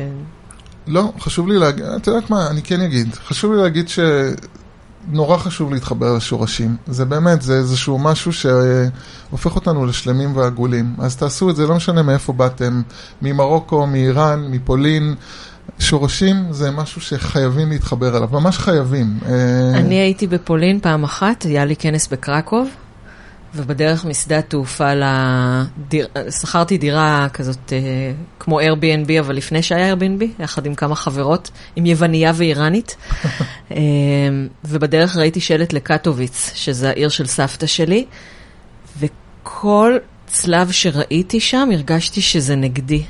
אוי, והרגשתי שהאדמה שם ספוגה, ב, כאילו ממש כאילו כל דמי אחי זועקים אליי מהאדמה.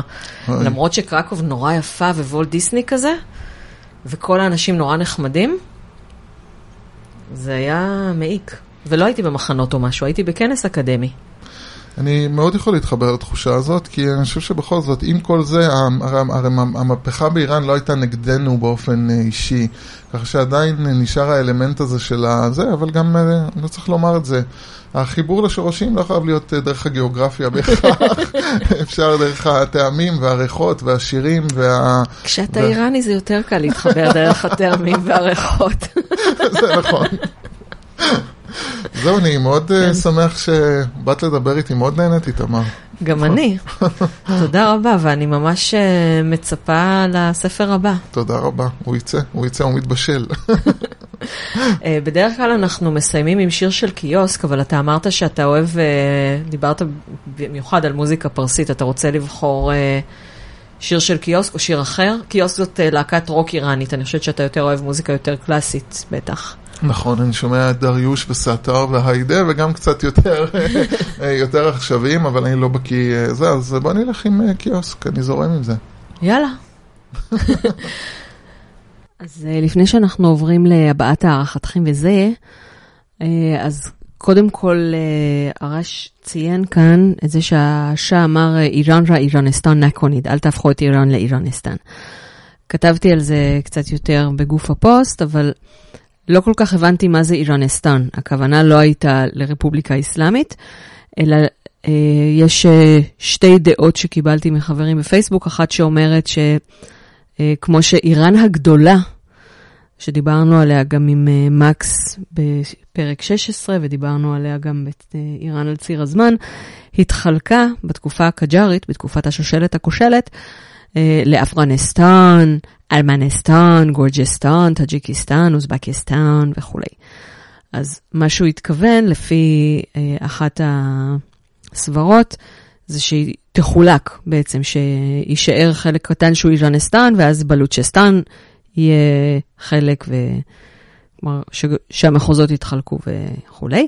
והסברה השנייה היא אה, שחלק גדול מהסטנים, אוזבקיסטן, טאג'יקיסטן, ארמנסטן, גורג'סטן, אה, קזחסטן, הלכו לרוסיה. אז שאחת ה... החששות שלו היה שרוסיה תשתלט על איראן. אלה שתי הדעות ש... שמצאתי למה זאת אומרת אל תהפכו את איראן לאיראנסטן. והגענו לענייני מנהלה והבעת הערכתכם. שתפו את הפרק בבקשה. אם אהבתם, אתם מוזמנים לשתף עם, עם איזו מילה טובה. אם לא אהבתם, שתפו עם איזו מילה רעה, פרסום זה פרסום. אני מזמינה אתכם גם לחבב את הדף איראניום מועשר הפודקאסט בפייסבוק, ואף להצטרף לאיראניום מועשר הקבוצה ולהשתתף בקבלת החלטות מהחלטות שונות. אני עושה סקרים כל הזמן. מי שרוצה להביע את הערכתו לכל מה שאני עושה בשבילכם, יכול לעשות זאת במגוון דרכים, לרכוש ספרים של הוצאת זרש, לעודד את חבריכם לעשות כמוכם. יש לנו שני ז'אנרים עיקריים, ספרי חנונים וספרי בישול טבעוניים. חלק מהספרים שנמכרים באתר הם לא של ההוצאה, אבל זו עדיין דרך להביע הערכה לפועלי. אה, אפשר ומומלץ גם להמליץ למנהלות הרווחה שלכם, או לוועד העובדים שלכם, לרכוש מאיתנו ספרים או שוברים כמתנות חג ויום הולדת, שאפשר לשלב גם עם שוקולד של יער הקקאו, או עם שמן זית של משק שור.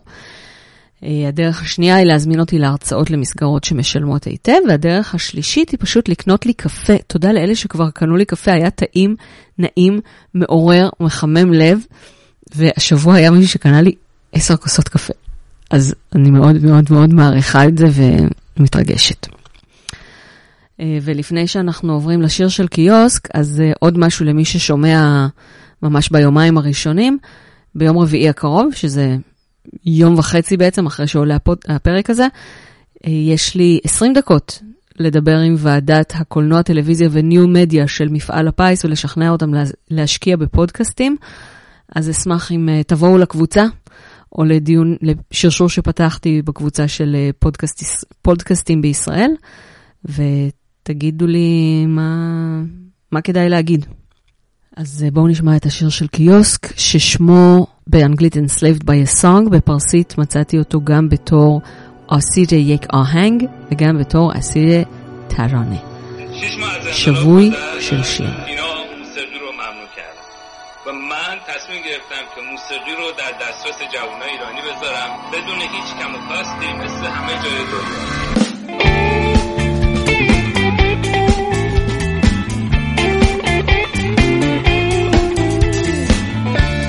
قصه یه مرده که آخر این شعر میمیره با ترانه زاده میشه. تو این آهنگ اسیره اسیر واجه هایی که هیچ معنی ندارن. مثل خود زندگی این شعر قافیه نمی‌خواد. این قصه یه مرده ولی که شاید هیچ وقت نبود. هیچ کس فراموشش نکرد. چون که هیچ کس یادش نبود حافظه های ضعیف. وجداناشون آسوده است. مسیرای پیش رو خطاهای آزموده است. این قصه یه مرده که یه شعر تکراری تنمیده هر چیزو تکرار کنی معنیشو از دست میده مثل خود زندگی. تکراری و بیهوست نیمه خالیش که هیچ باقیشم تلخ و آلوده.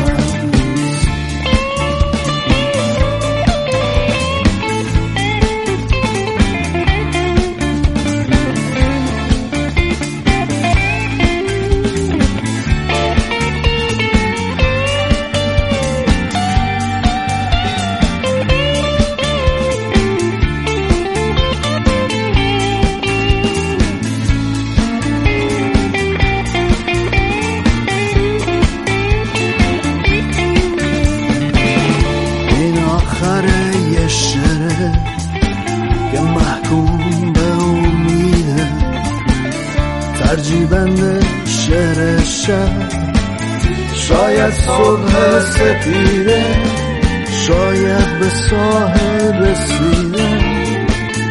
قایقای شکسته شاید بشه یاد پرواز آبان بسته.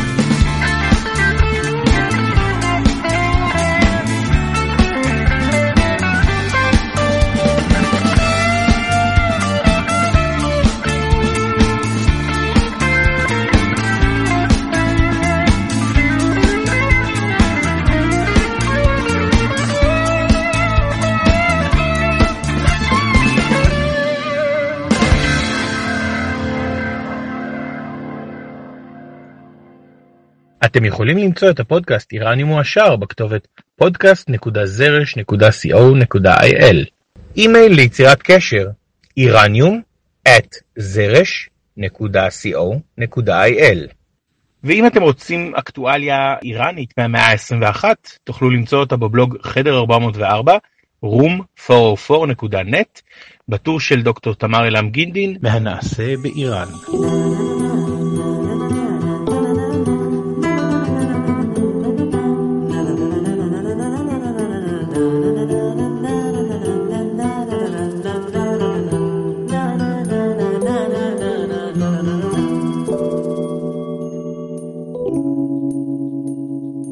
איראניום מועשר ההסכת פודקאסט של דוקטור תמר אילם גינדין.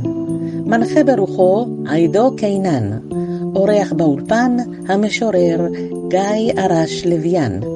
קריאת שירים נדיה לוויאן, שרונה מזליאן, יסמין שלום מוטהדה, יפה פרניאן פור, חנה ג'האן פירוז ורוני לוויאן.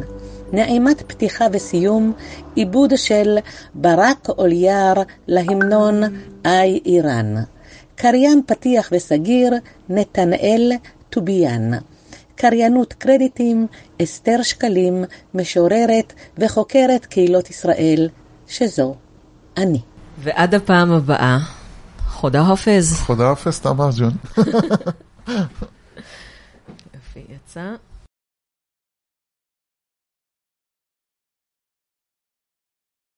תקציר הפרקים הבאים, הפינה האהובה עליכם, שמוקדשת למאזינים נאמנים ולכאלה ששומעים באפליקציה ולא יכולים להעביר בזמן נהיגה. וזכרו, כל תוכנית היא בסיס לשינויים. כבר בפרק הבא, פרק 35, אנחנו מדברים עם נביד טוביאן. אכן, מנהל כאן פרסית וחבר יקר, זה יותר מ-20 שנה. בפרק 36 נדבר באנגלית עם אומן הלחימה האיראני-שוודי-אוסטרלי חשי עזד, זה ניסיון שלישי בלי נדר. אה, בפרק 37, אה, סוף סוף יהיה העדכון עם מעיין אשכולי מהתקדמות הרומן ההיסטורי המתפתח שלנו, המלכה. אני מקווה מאוד שזה יהיה לרגל השקת קמפיין ההדסטארט שלו, כי אם לא, זה אומר שהחלק הראשון של הטרילוגיה יצא רק ב-2020. בינתיים אתם מוזמנים לקרוא על ההתקדמות בקבוצת הפייסבוק הסגורה של הספר, המלכה רומן היסטורי. פרק 38 הוא פרק יום ההולדת שלי, הוא מתפרסם ב-14 באבן בערב, יום הולדתי הוא 15 באבן, ומאזיני איראניום מועשר בחרו בקבוצת הפייסבוק שפרק היום הולדת יהיה שיחה עם מורי ורבי פרופסור שאול שקד, והוא הסכים. אז בואו לקבוצה ותשאלו שאלות. בפרק 39 נדבר שוב עם דוקטור אורי גולדברג, תודו שהתגעגעתם, אני מאוד התגעגעתי. שני הפרקים הראשונים שלנו היו על האסלאם השיעי, והפעם נדבר על החוקה האיראנית לדורותיה. פרק 40, מספר עגול וחגיגי, אה, טרם החליטותי, אבל אה, יכול להיות שנעשה אותו שוב עם אה, נביד טוביאן, מהסיבה הפשוטה שבפרק 35 שכבר הוקלט, הייתה לנו תוכנית מאוד מאוד מפורטת על מה נדבר, ובסוף דיברנו על דברים לגמרי אחרים. יצא פרק מקסים, אבל uh, יש לנו עוד מלא על מה לדבר. אז אנחנו נראה. אם נארח אותו שוב, או שנעשה משהו אחר לפרק העגול. ופרק 41, כמו כל הפרקים שמסתיימים באחת, חוץ מפרק אחת, צריך להיות פרק משותף עם הפודקאסט של התנ"ך ועם דברי הימים. על ארתחשסתא, אבל בואו נראה שאנחנו מצליחים לקבוע מועד להקלטה לפני 26 בנובמבר. או שאני אצטרך באמת לטפל ב-OCD שלי, טיפול בהביוריסטי. מה עוד בקנה? שיחות עם שי סקונדה מתחום האיראן תלמוד, שגם נדחתה כמה פעמים, עם רובי נמדר על השירה הפרסית שאותה גילה בגיל 22, ועכשיו אה, אה, רובי שהוא גם אה, סופר עטור פרסים, אה, מועמד לפרס אה, ספר ביקורים בצרפת, אם אני זוכרת אה, נכון, אם הבנתי נכון את ה... אז בהצלחה. ושיחה עם פרופסור שלום גולדמן מאוניברסיטת מילברי בארצות הברית על מערכת היחסים הלא אידיאלית בין הרפובליקה האסלאמית למיסטיקה שיעית. שיחה עם מספרת הסיפורים עדנה קנטי על משפחתה המתועדת בספרה אהבה וצרות אחרות. עוד שמחה עם יסמין שלום אותהדה על נשים איראניות חזקות. עוד שיחה עם חנה ג'אן פורוז, לא משנה על מה, כי אני פשוט אוהבת אותה. עם דני מוג'ה נדבר בעיקר על קולנוע איראני, אבל איך אפשר בלי כמה שירים על חשבון פשוט? אנחנו נספר לכם מה, היה, מה הייתה השאלה הראשונה שדני שאל אותי ומה עניתי לו. שיחות עם אנשי תקשורת ישראלית בפרסית, כמו שירלי שמסיאן, אולי אפילו מנשה אמיר. crossover עם הפודקאסט שרת התרבות של עידו קינן שנדחה כי יש לו 20 פרקים מוקלטים שהוא צריך עוד לערוך, דיפלומט זר שמוצב בארץ ושירת קודם באיראן, וגם בסמסטר א' השנה יש לי קורס קריאת טקסטים היסטוריים עם תלמידיי המתקדמים במרכז האקדמי שלם, ונראה לי שירצה מתישהו לספר או להקריא לכם, ונראה לי שירצה מתישהו לספר או להקריא לכם דברים משם. אז uh, אתם מוזמנים לכתוב לי עוד uh, הצעות ובקשות, אם נהניתם הפיצו לכל עבר עם איזו מילה טובה, אם לא נהניתם הפיצו עם מילה רעה, פרסום זה פרסום. אה כן, ביקורת בונה תתקבל בשמחה בפרטי ותילקח בחשבון. תודה על קניית הספרים, תודה על ההמלצות, תודה על ההרצאות ותודה על הקפה.